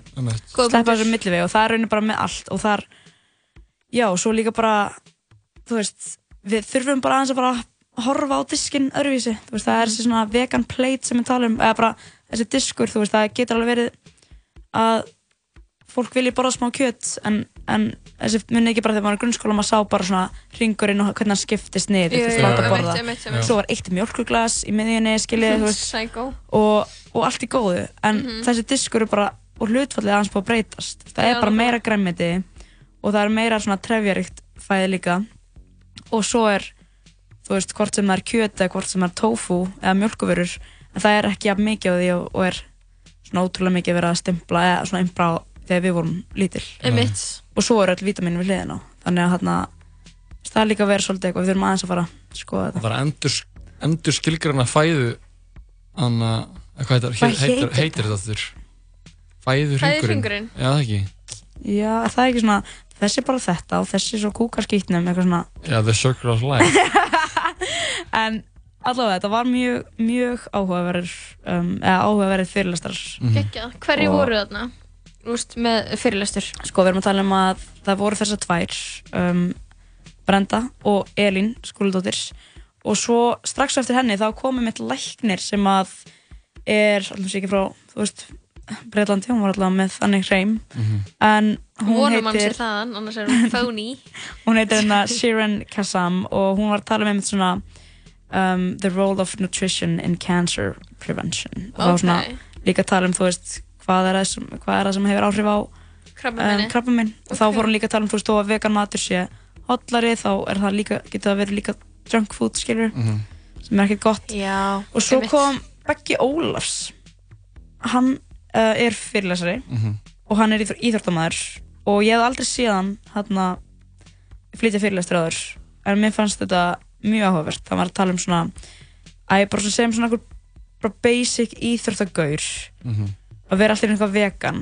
Og hann er bara eitthvað, ég er, þú veist hann segir bara eitthvað, ég er hérna með fyrirlestur að tala um veist, bara eitthvað svona mataræði og sko hérna, tilfinningar og eitthvað svona. Þú veist, ég er bara minnsti minnsta staðalímynd fótballtumann sem hún finnur á Íslandi skilur Mhm. en, og hann var svolítið að tala um bara hvað það var sem var erfiðast og það var bara klálega viðbröðin Frá fólki? eiginlega sko. Já, fólk er eitthvað veist, hann, það, hann, líka eitt gott sem hann sagði var, þú veist, að ef hann segir, þú veist, já, ég er hættur að drekka, þá er bara flott. Já, ég er hættur að reykja, já, bara frábært. Já, ég er hættur að bara skyndibita, já, bara gegja og bara, já, ég er hættur bara að kjöt og þá bara ha, skiljið, en Mhm. þar er eitthvað annað, þar er, ertu smá ógna. Það hann er- bara með nokkur góða punktar, sko. hluta einhver svona eitrari kallmennsku að borða kjöt, Já, klálega, sko. borða steikur eitthvað svona. Já, æ, svo, ah, einhver einhver í skæra því að þetta búið svona út um allt á internetinu þetta, hérna, þetta Instagram þótt hjá sem James já. þá sé ég eitthvað svona einhver gaur postar og ég rekst frá þetta eitthvað svona svona mými frá einhverju þú veist einmitt nákvæmlega þessum hópi þú veist af einhver fólk eða svona gaurum sem elskar kjöt.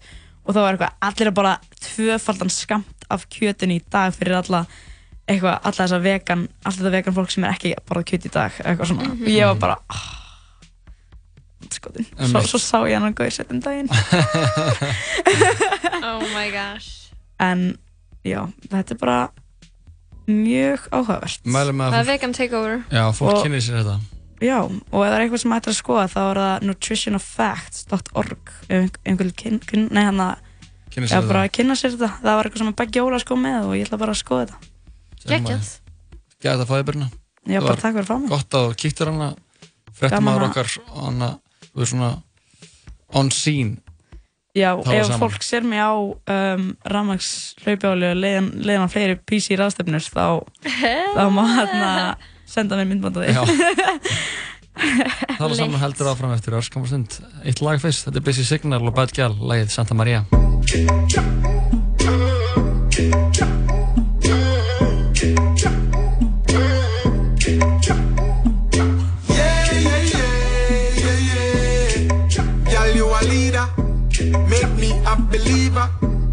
Santa Maria. Yeah, yeah, yeah, yeah, yeah. Sweet like that sativa. Make me a believer. You're my Santa Maria. Wine and catch, girl, bubble non-stop. Tip on toe to the top. Jiggle up your body for me, make this in the clap. You know me like it like that, uh. Wine and brace for me, girl, uh. Mash up the place for me, girl, uh. Number one, you are the best from the east to the west. Hot like fire. Don't wanna regular girl, you need a leader. Se me pone tonto cuando fumo sativa. Sabe que conmigo tu polla está bendecida. Bad girl. Él me llama Santa, Santa María. Porque mi coño está apretado como el primer día. Este coño te hace bajar down low. Él es jamaicano, pero se lo come todo. Yeah, yeah, yeah, yeah, yeah. Girl, you a leader. Make me a believer. You're my Santa Maria. Yeah, yeah, yeah, like that sativa. Make me a believer. You're my Santa Maria. No quería que a la oreja te llamase papá. No sabía dónde se metía. Vaya, le tuve en la cama todo el día sin descansar. Y después que me lo hacía se ponía a rezar. Dice you are real bad girl. Show me the Spanish style.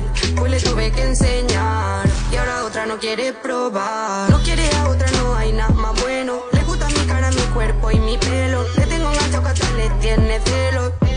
Aunque él es el primero. Nene, tú me das de todo en exceso. Cuando lo hacemos yo también siento eso. Los conexiones y te veo entre medio. Pasamos 24 horas en una suite imperio. Yeah, yeah, yeah, yeah, yeah. You a leader. Make me a believer. You're my Santa Maria. Yeah, yeah, yeah, yeah, yeah. Sweet like that. Make me a believer. My Santa Maria.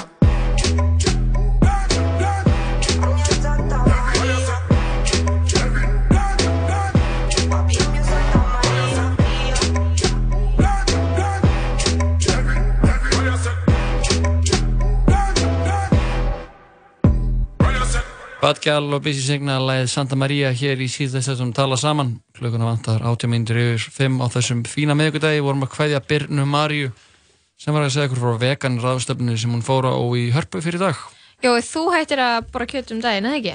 Uh, jú, ég, ég er ekki búin að, ég borða kjött tvisvar síðan í ágúst Tvisvar síðan í ágúst? Já.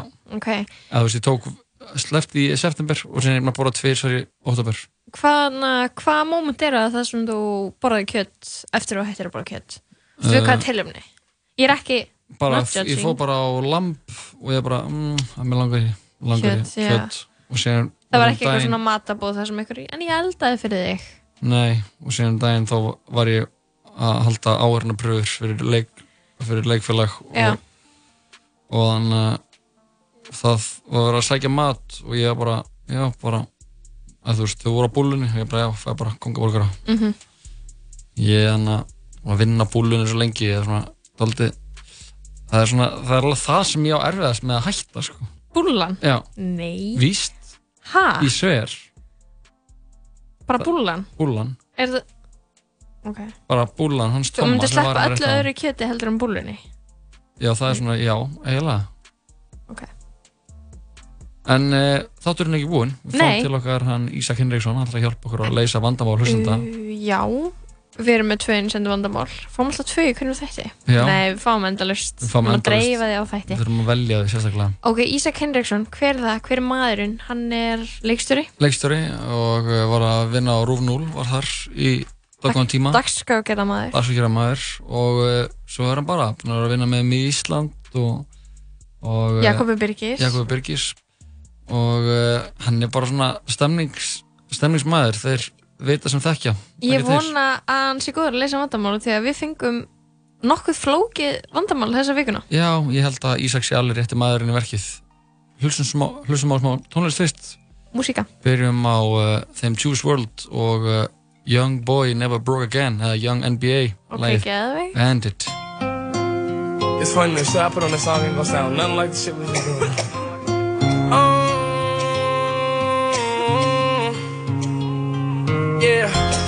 I just balance, balance, bitches to the bad, balance, money on the dial. Uh, I say, to be savage. Uh, when I'm on that Molly, I feel savage. Uh, she the definition of a bad bitch, stole her. I'm the definition of a bandit. Uh, ay, I don't need no Molly to be savage. Uh, hey, but when I'm on the Molly, I feel savage.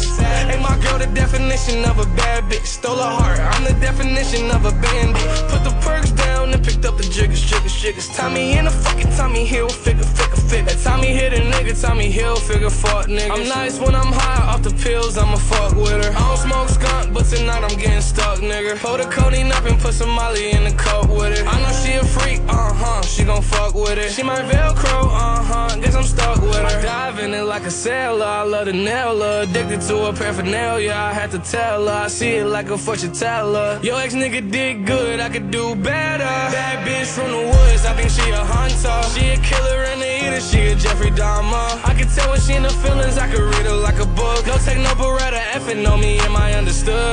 Yeah, yeah. I don't need no Molly to be savage. Uh, when I'm on that Molly, I feel savage. Uh, she the definition of a bad bitch, stole her. I'm the definition of a bandit. Uh, I don't need no Molly to be savage. Uh, hey, but when I'm on the Molly, I feel savage.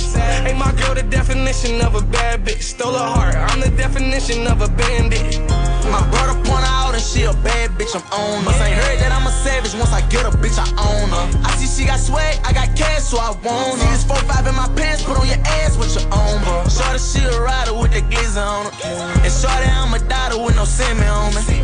If we got a problem, we get rid of homie. Put 20,000 in your pocket, we gon' get the money. I'm the definition of a bandit. Took your heart from out his hands and still ain't saying shit. Some new killers in my circle you done ran with. Like this 30 38, this bitch a damaged. Poppin' Willis, 4K Trey car when you land with it. I let you drive and slide my bros where they been laying with it. I wrote this bitch, I open up a can with it. Like fuck the stove, I make it jump without my hand in it. I don't need no Molly to be savage. Uh, when I'm on that Molly, I feel savage. Uh, she the definition of a bad bitch, stole her. I'm the definition of a bandit. Uh, ay, I don't need no Molly to be savage. Uh, hey, but when I'm on the Molly, I feel savage. Hey, my girl, the definition of a bad bitch, stole her heart. I'm the definition of a bandit.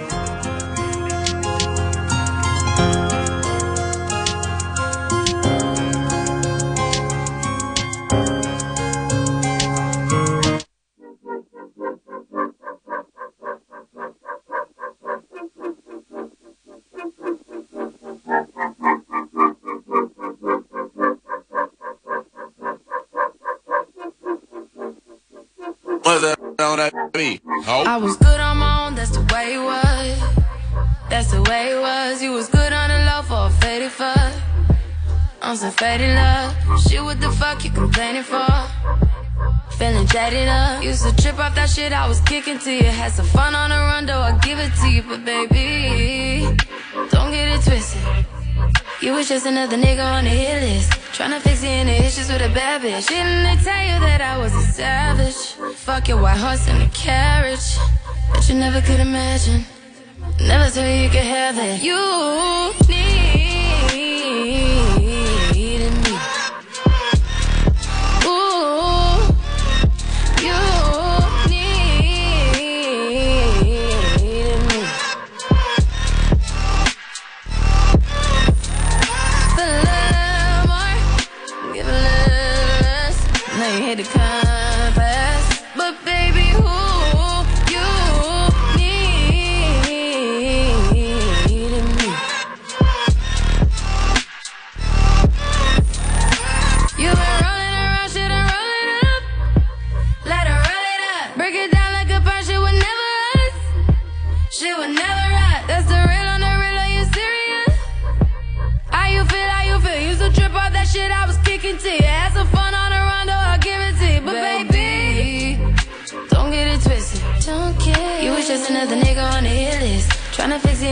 with a bad bitch. Didn't they tell you that I was a savage? Fuck your white horse and a carriage. But you never could imagine. Never thought you could have it. You needed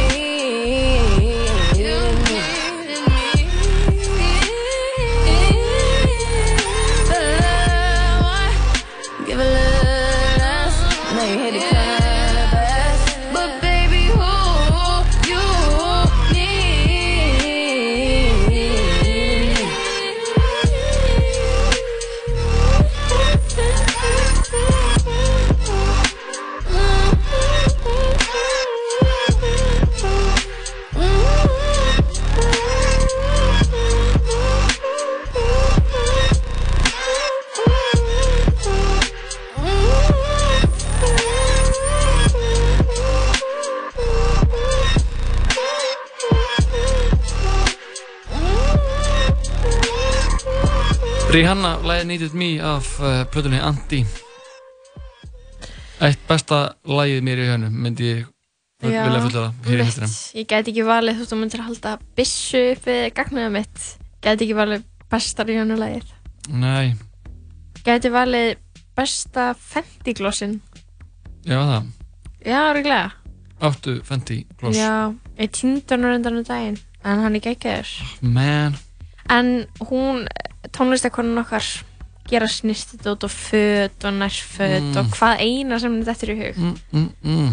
Hún kann á þetta. Hún gera veit hvernig hjól atvinnulífsins snúast. Já, hún snýr þeim sjálf Hún fattaði örgulega fyrir nokkrum árum að þú fær miklu meiri pening úr tísku, snirtiverum og nærfötum heldur en tónlist. Já, þetta er fakt Það er ekki. Erum við að fíla fötinunnar eða? Já, ég er að fíla fötin sko. Mér veistu marg ógslag flott sko. Hún, Hún var líka, bara, she does no wrong sko. Hún lendi í svona fyndnu uh, dæmi um daginn þegar hún var framlega vók mm og konan sem tók viðtalið við hana mætti óundibúin í viðtalið. Einmitt. Og svo kona var síðan dragged online eins og það er kallað. var nett mím sko. Já, en uh, Rihanna sagði get off her back. Já, og sa sagði að hún væri bara flott á því. Mm Láta henni friði Ætti að stríðinni Já, hún fílaði hana. Já. og Rihanna, ég veit ekki í hvaða skipti hún fram á vók en þetta var glæsileg mynd og hún var í sinni eigin hönnun. Æðislegt. Fáum eitt lag, síðan kemur Ísak Hinriksson til okkar. Hann ætlar að hjálpa okkur að leysa vandamál Ykkar, kæru hlustendur. Þetta er Flóni, lagi heitir Hraðar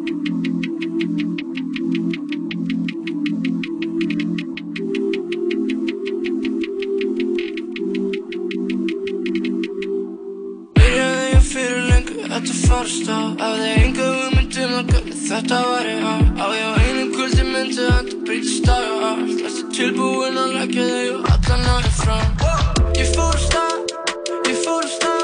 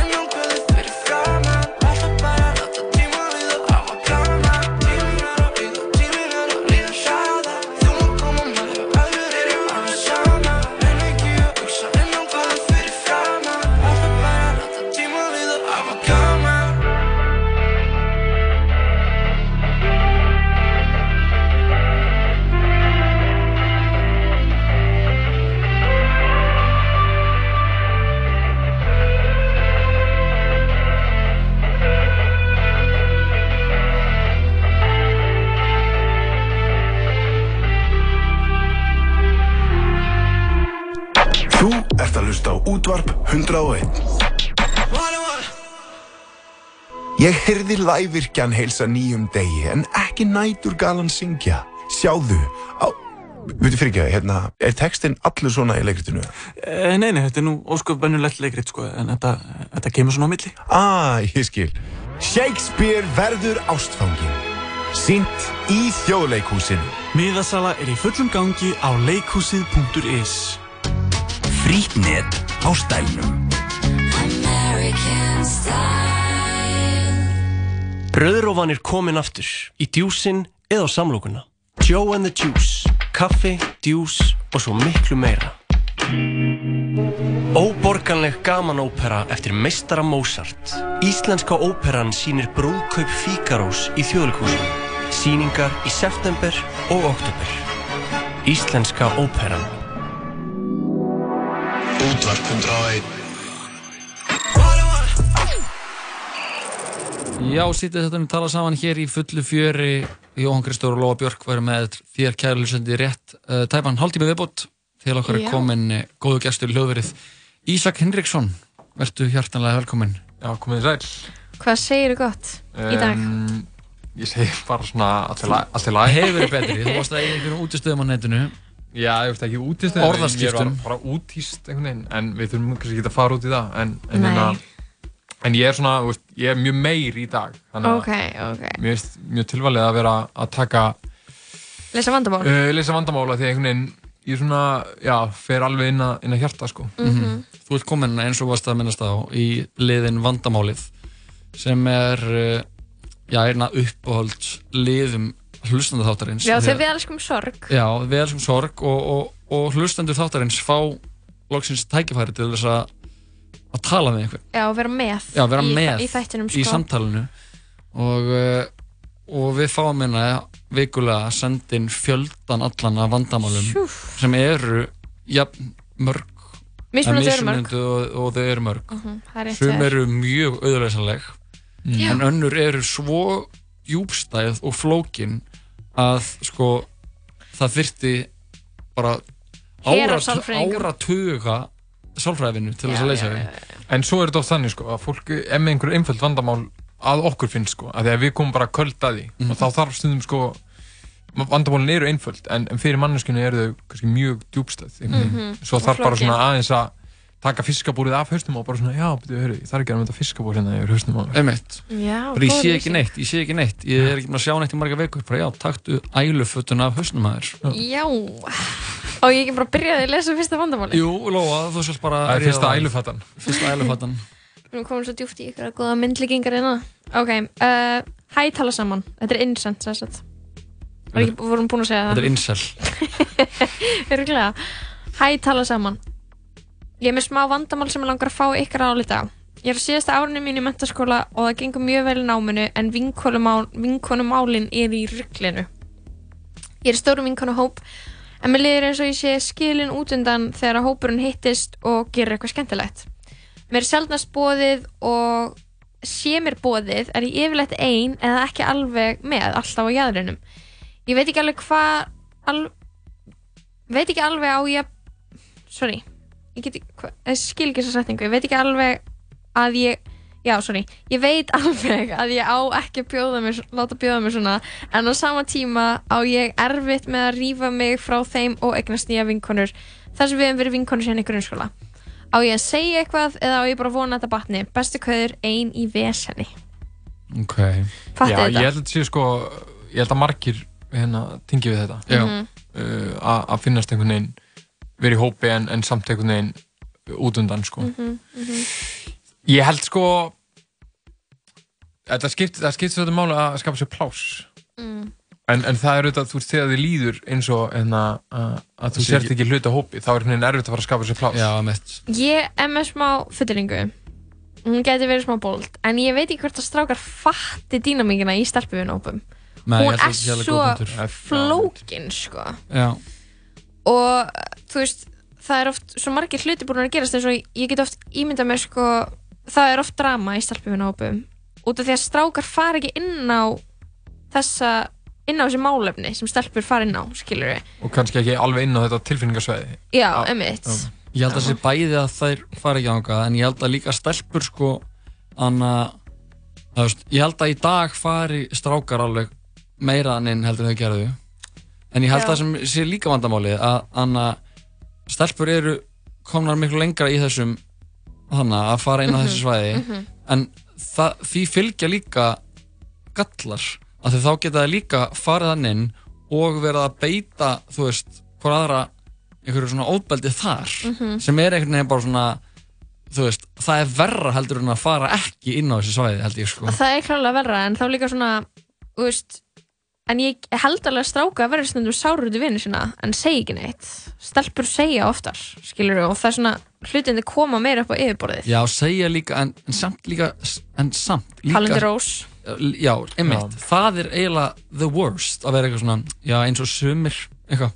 Ég held ég væri samt allan til, daginn freka til í að sko eiga flókin svona djúb erfið sambönd við vinkonur heldur en bara fella sambönd við fullt af fellum skilja ég mig Ég elska að eiga góða fella sko Já, svo, svo er þetta líka sko með svona sko munin og svona vina sambandum milli stráka og stelpna. Það er oft talað um sko að strákar getur bara svona hýrst og bara sama hver það er og er bara svona já, blessaður. Já, gera þetta, hvað?" já, og gera það, ok, og bara hittust. En, en það er miklu meira svona flóknar að flækjast hjá stelpum. Já Bara ég var að hittast í kvöld, bara að nei, ég er að Nei, líka bara það að geta ekki chilla með hverjum sem er hún verður að vera eitthvað ákveðin góð vinkona þín til þess að ég langa að gera þessa hluti með henni Mhm. fattiði mig Já, já. Ég En geti, ég geti geti- lappað hérna á klósetti bara næsta auðlýsingarliði Vandamáli þitt, ef þú á einhvern. með- að senda vandamál þá verður það bara hætal saman Vandamáli mitt er að ég get verið með bókstala hverjum sem er Ég eitti klukkutíma með útigangsmanni áðan og ég þurfti að vinna Það er ekkert slæmt Það er bara, það væri bara frábært Er það ekki? Já, það gefur lífinu einhver svona liti, sko. Finnst bara stelp- það ekki vandamál sko. En hvað, ég, held- ég held að þessi stelpa ætti að beila á þessum vinkonum sko, Já, ég að- er alveg að leita, já, það bara ekkert þessu mikla vinkonur hennar. Eða þú veist, ok, þegar þú ert búin að vera vinkona þeirra svona lengi þá er alveg uh, einhver, einhver djúb tengsl skilur en hún þarf bara að fara einhver þar sem að fólk kann betur að meta Já, fólk breytist líka bara. Á, á þessum aldur, á þessum árum Já. þá er svona, er svona getur fólk stökkbreyst bara, en við vorum besti vinnir í tíundabekk sem var fyrir fjórum mánuðum sem Mhm. byrjaði í mentaskóla og það er bara hinn manneskjan orðin að einhverju, einhverju fresku og þá bara hvað er freskja, bara skrimsli já, bara einhverju ófresku Mhm. bara einhverju manneski sem þú kannast ekki við Já. og þetta held ég gerist mjög oft sko. Svo er... maður var alveg með fólk í grunnskóla sem byrjaði maður í mentaskóla, saman mentaskóla það og maður bara svona horfði á það og maður bara eitthvað feel like I don't know you anymore Það er líka sko ofmetið á ákveðnum leiti að vera úst, í stórum hóp sko. vera alltaf einhvern svona, já það sé einhver vinahópur. Það er oft bara miklu sterkar líka að vera með þú veist, finna sér bara eitthvað eitt góðan. Já. vera bara veist, til að mikið með honum eða henni. Mm -hmm. Já, það eða er nokkra frábært þannig sko. bara, já, ég er með eitt þannig eina þannig, annan þannig og ég get, þetta er sótt í þetta í staðan fyrir að alltaf eitthvað svona hluta eitthvað reysa stelpahóp og þá veist, þá kemur þetta upp. Að þær eru eitthvað að geða mig að chilla. Vinna fyrir einhverju dýpri tengslum. Já, veist, það er oft í svona hópum eitthvað svona, þeir eru tíu saman en þeir vilja ekkert þeir vilja ekkert allar vera tíu saman. Nei. Tengslinn inn á milli er bara eitthvað maður þólir ekki þrjár tvær eru óksla basic og fínar og svo eru kannski tvær bestu vinkonum hans já, og eini neyslu. Og einin, það er alltaf eini næstu sko. Það er að að- guaranteed sko. er að ná að að að láta allir vera að geða með þér sko. En svo er það líka, steipa sko. vinuhófnum öllum í skuld svo er það líka sko ef hún vill vera innan þessa vinahóps þá er kannski Mhm. að vinna meira í að að rekta tengslin sko við manneskunar innan hópsins þú veist, ná meiri tíma með one on one, já, one on one og þá Já. einhvern veginn hérna e, getur hún skapað sér meira pláss innan hópsins já, einmitt, það er alveg góð punktur en ég held bara þessar grunnskóla stelpur ég held að sé bara of mikið búin að það er bara alltaf allt eins og í grunnskóla eða í grunnskóla vinhópurinn Mm. og sömur eitthvað að dyrka það en þú veist, hún þarf að fara að finna sig skilur með einhverju nýju fólki sem að er ekki bara alltaf að koma fram við hana eins og hún sé svo sem hún var í fymta bekk skilur Mhm, mhm. já, bara beila á þessum, þessum típum. Beila á þessum gælum, já, 100 p. Þá færum við okkur í næsta vandamál. Er, getur við hlusta að lag á milli? já, við hlusta eitt lag. Já, gerum það. Já, við viljum gera það. Það er gott að, uh, að hlusta á músík. Það getur líka oft má ég koma með óskalega? já, þú ert náttúrulega alltaf að hlusta á músík jú, jú, ég, hérna er það stuðmenn? Já, jú, jú, jú, jú. Það er Fitti Bátsmaður og, og Birna Sprettur heitir lagið. Alright. Þetta er svo að Flósi Ólafsson og stuðmenn. Flósi Það á textan og, lag- og stuðmenn á eiga lagið. Það þarf að spila meiri stuðmenn í útvarpinu, viltu, Já, viltu af hverju ekki það? stuðmenn spilað oftar á 101? Að því að, ég veit ekki, árið 2019 Við höldum áfram að leysa vandamál hlustanda eftir öskamma stund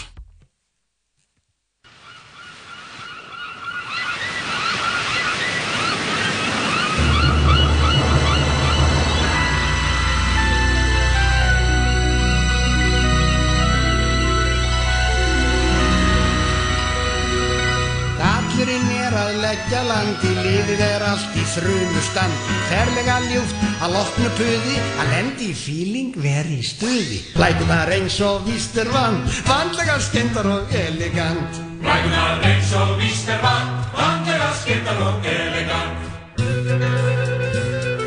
Fyrstur á land er fytti bátur, ferlega sjænaður, ofs og kátur, upptjúnaður og orkur hlaðinn, algjör boppingur lengi staðinn. Komast hann vill á hvenna far, gætast jamma og far á bar.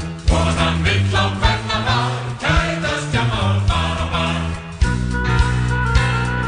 Á kæjanum býður byrna sprettur, bærilega er fytti settur, mauka ég það að melda hana, matamann dikkar sjarmörana, að draumur spil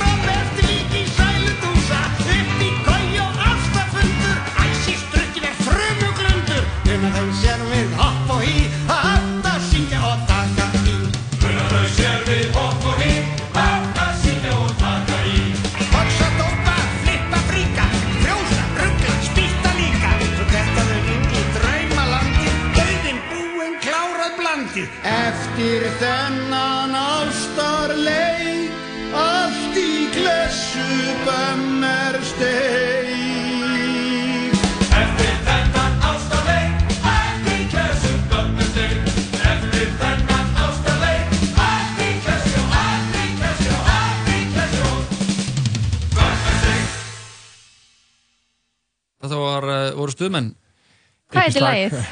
Þetta var Fitti Bátsmaður og uh, Birna Sprettur Óskarlag frá Ísak Ísak E. Hirriksinni sem er hérna hjá okkur í Já, eða vandamálinu sko Ísak einu sinni, en þú veist, þetta er, já, þetta er, ja, Það skulum ekki ta- eh, tína okkur í uh, fallbeðingum Nei, nei, en að plötunni listin að lifa. Já, á plötunni listin að lifa Þú ert mikill stuðmanna maður, hvað kemur til? Þú ert mikill stuðumadur Uh, hvað kemur til? Það er bara hljómsveitin stuðmenn er bara fyllt uh, þjóðin í 49 ár, 50 ára næsta ári og uh, Ó, ég var ekki að fatta að þau væri orðin svona gömul. þetta bara, þú veist, endurspeglar ákveðið og bara hefur bara hljómsveitin sem hefur haft gríðilega áhrif á mig frá, Egill Ólafsson uh, alltaf föðurbróðurinn líka. Þetta er, já, það kannski spilar Það eitthvað Já, inn í ég var að fiska eftir því, þú ætlar ekki að segja það. þetta eru, þetta eru bara uh, já, þú veist já, ég get bara að tala með endalust en, en ég kannski Það ætlum ekki að gera það? Já, Við ætlum að færa okkur yfir í næsta vandamál uh, hlustanda þáttanins Mhm. Þetta er tilbúin það ég sagt Hæ hæ, tala saman. Ég hef alltaf litið á mig sem fyrirmynda dreng Ég reyna að koma vel fram við alla. En, nú, en er nú lendur í krísu. Ég nefnilega misteg með aðeins á internetinu. Ég var ekki alveg að hugsa rökrétt og svaraði einhverjum status eins og þau kalla það á ógætilegan hátt. Það sem verst er að er að sá sem gerði statusinn er mögulega versta manneskjan sem ég hefði getað svarað svona og nú er verið að draga mig þvert og kruss um internetið hvað á ég að gera? Uh, Ísak, þetta, er, þetta eru vandamál Já, þetta eru vand- vandamál hlustenda, einmitt. Já, þetta er eitthvað sem Þetta er er mjög auðvelt að að lenda í Já, maður, Mm. Jú, ef maður Ég er veit ekki. ef maður er, ef maður er kannski maður þarf, að fara, maður þarf að fara út í daginn á internetinu með svona ákveði viðþorf til þess að lenda í þessu ég held að þetta kom ekki fyrir hvern sem er Nei, sko, jú, jú, þetta, ja, fólk getur verið fljótt á sér, sko. Uh, og einhvern veginn sér eitthvað, þú veist, sko, það er talað um að, að þegar fólk sér eitthvað á internetinu, þá verður það fljótt, uh, opslega reitt, Mhm. þú veist, þú verður reyðar ef þú sérð hérna, uh, bara, þú veist, einhver umræðu og sem þið líkar ekki, Já. að ef þú lest það á netinu, þá verður þú Mhm. gett reyður, Mhm. en ef einhver myndi segja það, þá verður einhvern veginn vá, já, ymmit, og þú veist, Þú myndir ekki bregðast þá að- eins við. Nei, og þá ertu líka einmitt. að tjá þig við manneskuna, ef þú setur einn við tölvuna, þá ertu einhvern veginn bara svona, þú veist, verður bara reyður og þá finnst þér eins og þú þurfur að segja einhverjum það. ok, ok, þannig en, en, en þessi manneska var hún eitthvað reið hún Eh, sagði, sa, sa, nei, nei, sagði eitthvað ógætilegan hátt einmitt, og manneskin er að draga hann þess og kruss yfir interneti Já, um ég, interneti. já, ég held að enginn hafi verið að segja neitt á ó- ógætilegan hátt, sko. Hljómar einhvern veginn ekki þannig í þessu tiltekna máli. En sko, ma, ég held að fólk getur bara orðin svolítið fljótt á sér, sko, með kannski svar einhverju, þú veist, þau kannski líkar ekki eitthvað, einhver umræða eða, eða þú veist, eða bara eitthvað svona, Svo er fólk, þú veist, ég held í þessu tilfelli sem uh, einhvern veginn, mér finnst í kannarstöðu, einhvern veginn þetta eru algengar aðstæður við getum bara sagt Já, það. en, en sko, þetta fyrir svolítið eftir sko, hverju ert að svara og, og á hvaða hátt. Mhm. hvort þú sért sko að svara einhverju pyrring, pyrringi eða reyði eða hvort þú sért jafnvel að velta steinum þú veist, að spyrja spurninga. Það er bara svo erfitt Já, að, sko, að, sko, að, að, að það er svo erfitt að lesa milli þessara lína á netinu. Já, svo það er ekki hægt að skilja Það er tón, allt- rattbeitingu og tón og svona svona- meiningu og- svona og líkamsstöðu og svona- skilur, já, já. já, setningin og hversu, anna, hversu rindar brúnaðinar eru ég samt gera allt ég er, já, ég er með eitt svona ráð fyrir fólk á netinu, hætti Mhm. að svara öðrum ef þú hefur eitthvað að bæta við tvítaði því þá bara já, já. skilur mig Já, já, já. Og setja bara svona- þitt innlegg já, á bara þinn mitt, stað. já, Einmitt, mitt já, það er innlegg á minn stað og ef ykkur vil rosta mig þar þá svona æ, ég veit ekki En sko, ég lifi eftir, æðru, eftir æðruleysinu. Ok. Ég hérna, er á hæsta tindi æðruleysisins. Mhm. Ekki hæsta.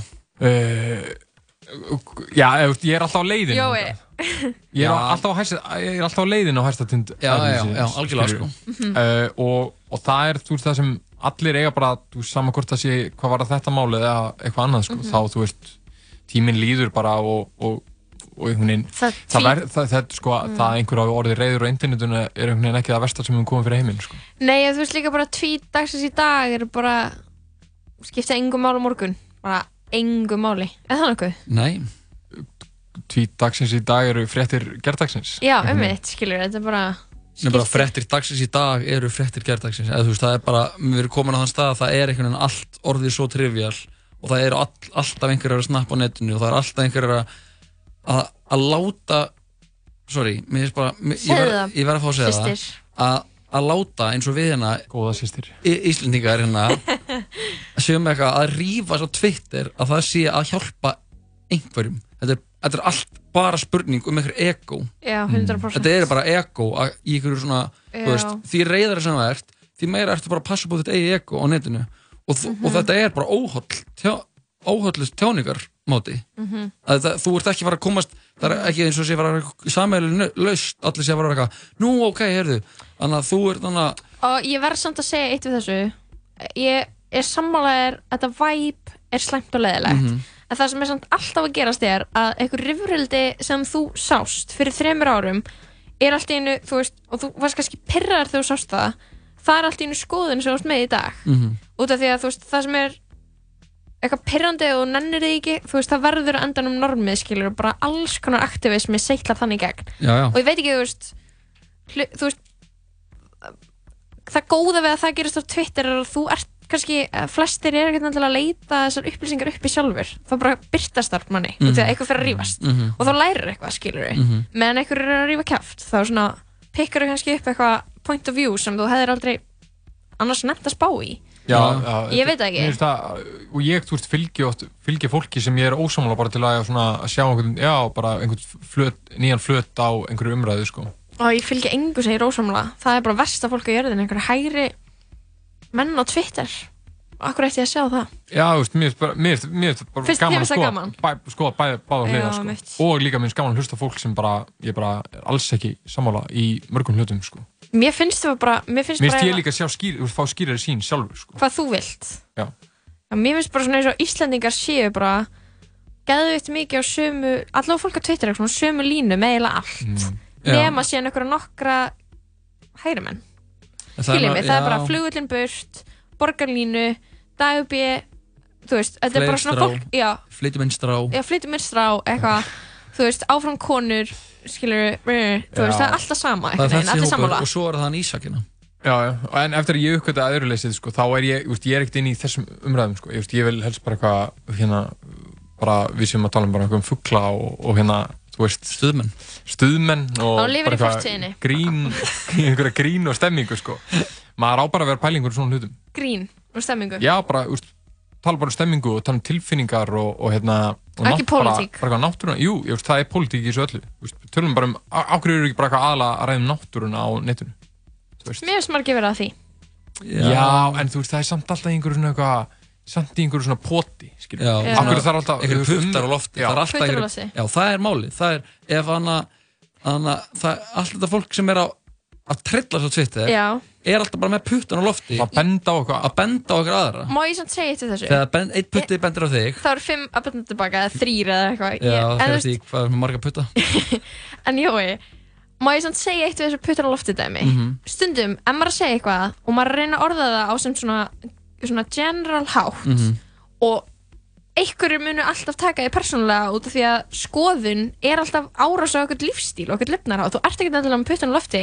Þú ert bara eitthvað, þetta er slæmt þú ert að segja það sem ég er að gera sér slæmt skilur Mhm. þetta er bara, hvað hvernig, þú veist, það get ekki allir verið andrisnæður og skrifa góða skaldsögu og gert geða eitthvað fyrirlestra. Stund, sumir eru bara með 140 stafi já. Nei, já, Að segja en- hluti. en, en, en sko stundum er líka bara umræðan, umræðan þannig að þú veist, einhver setur eitthvað á netið og Mhm. þú ert ótsámála Mhm. og í staðis að vera eitthvað, eitthvað þú segir svona og eitthvað svona og það er ekki, þú veist, það er ekki málið Mhm. í staðis að segja bara, hérna, ok hérna, ég skil hvað átt við, eða þú veist, ég skil ekki hvað átt við, Mhm. en af hverju ættum við ekki að hafa umræðina meira í þessan átt og orða hlutina svona frekar en þú veist, eða, þú veist, taka, tak, þú veist, reyna að leiðbeina frekar í einhverja átt sem þú vilt fara í staðis að vera að benda og niðurlega þú veist, hina manneskuna, fattar við Mhm.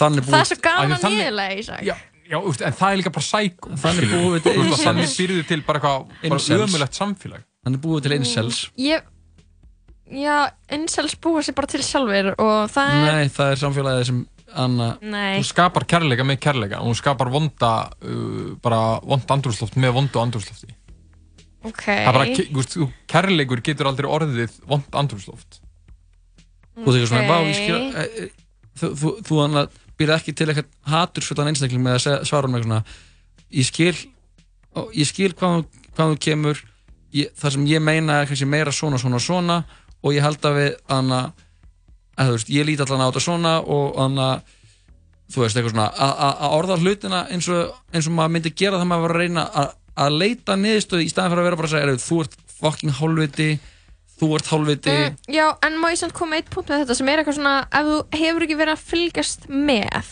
ógæslega lengi Mhm. og anna, til dæmis uh, dæmi um þetta eins og þú myndir núna í dag ganga inn í eitthvað umræðahóp um loftslagsbreytingar Já. ganga inn í hann og er bara eitthvað veit ég, ég trú ekki að loftslagsbreytingar séu að eiga sér stað. Mhm. og, og svo heimta einhvern veginn að fólk svari er bara, þú fylgdist ekki með. Það sem þú ert að gera núna er bara, þú veist, umræðin er komin miklu lengra á allt annar stað. Akkur þurfum við alltaf eitthvað spóla tilbaka til þess að útskýra eitthvað grunnforsendur sem þú átt að vera búin að ná? Já, mitt, þetta er mjög góð punktur. Uh, Ég veit það ekki. Já, þetta er Stundum- alveg góð punktur. Að það sé Anna, að þú verður að búin að lesa aðeins í. Leiðbeiningum til þess að geta tekið þátt í leiknum. Smá. Já, ég alveg sammála því En uh, við leysum þetta vandamál ekki hér í dag. Nei. En þetta var, Þetta er var stór vandamálið. sko. Ísak, takk alveg fyrir komuna. Já, sem leys og bara föðmum stríðsklapamenn í staðis að Nei, Drepa á. nei Jú. Af hverju ætti maður að gera Ætlum að það? skapa kærleika með kærleika. Enga veginn Já, og e, það er búið að flottu þáttu okkur í dag fengum til okkar Tómas Andris Tómasson Tóma Búlunni, hann hérna Tómaborgarar. því líkt legend sem maðurinn er Oh my Hann god. er í gestur í nýjasta þætti Birnumari af Jim sem er Mhm. kominn á okkar alla helstu miðla Jú, he- Og, helstu veitur helstu veitur, svo fengum við til okkar hana Birnu Marju sem var að segja eitthvað frá vegarhæðastöfnir sem hún fór á í eh, hörpu fyrir í dag Svo var hann Ísak hérna með okkur Ísak. Við erum að kveða hann, Ísak Henriksson Takk að kella fyrir hjálpina Já, bara sem leiðis. Ætlum við að spila annað stöðmjölulega? Uh, nei, við ætlum ekki að gera það Endum þetta á þeim Birnu og Lil Bunna Lægið heitir Please eða mér Það er líka ágætt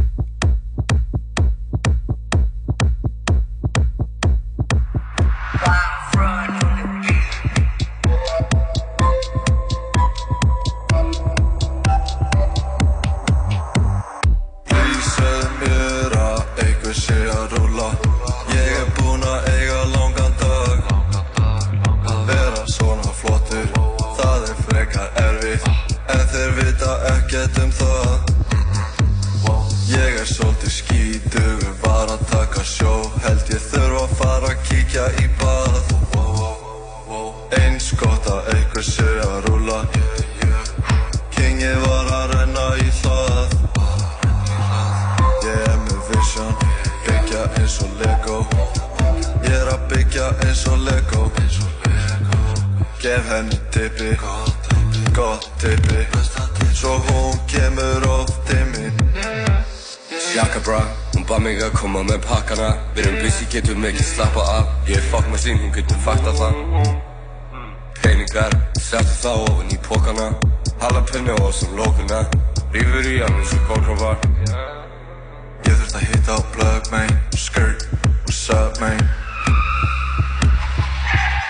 What's up, man Rækjaf, vilja, rækjaf Tími til að vinna Ekki vera latur Rækjaf, vilja, rækjaf Allur hópurinn svangur Ekki lít út eins og matur Ég þurft að hitta á plug, man Skirt, what's up, man What's up, man What's up, man?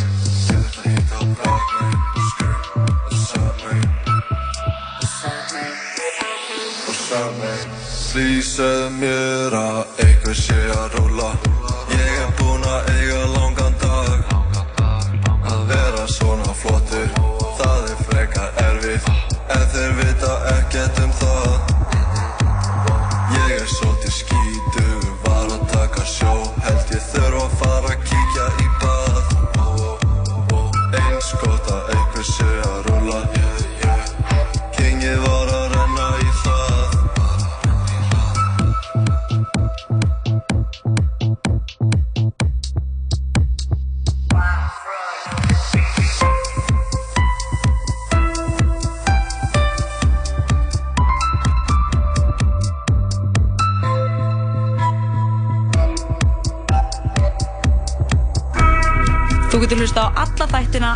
Saman á Spotify.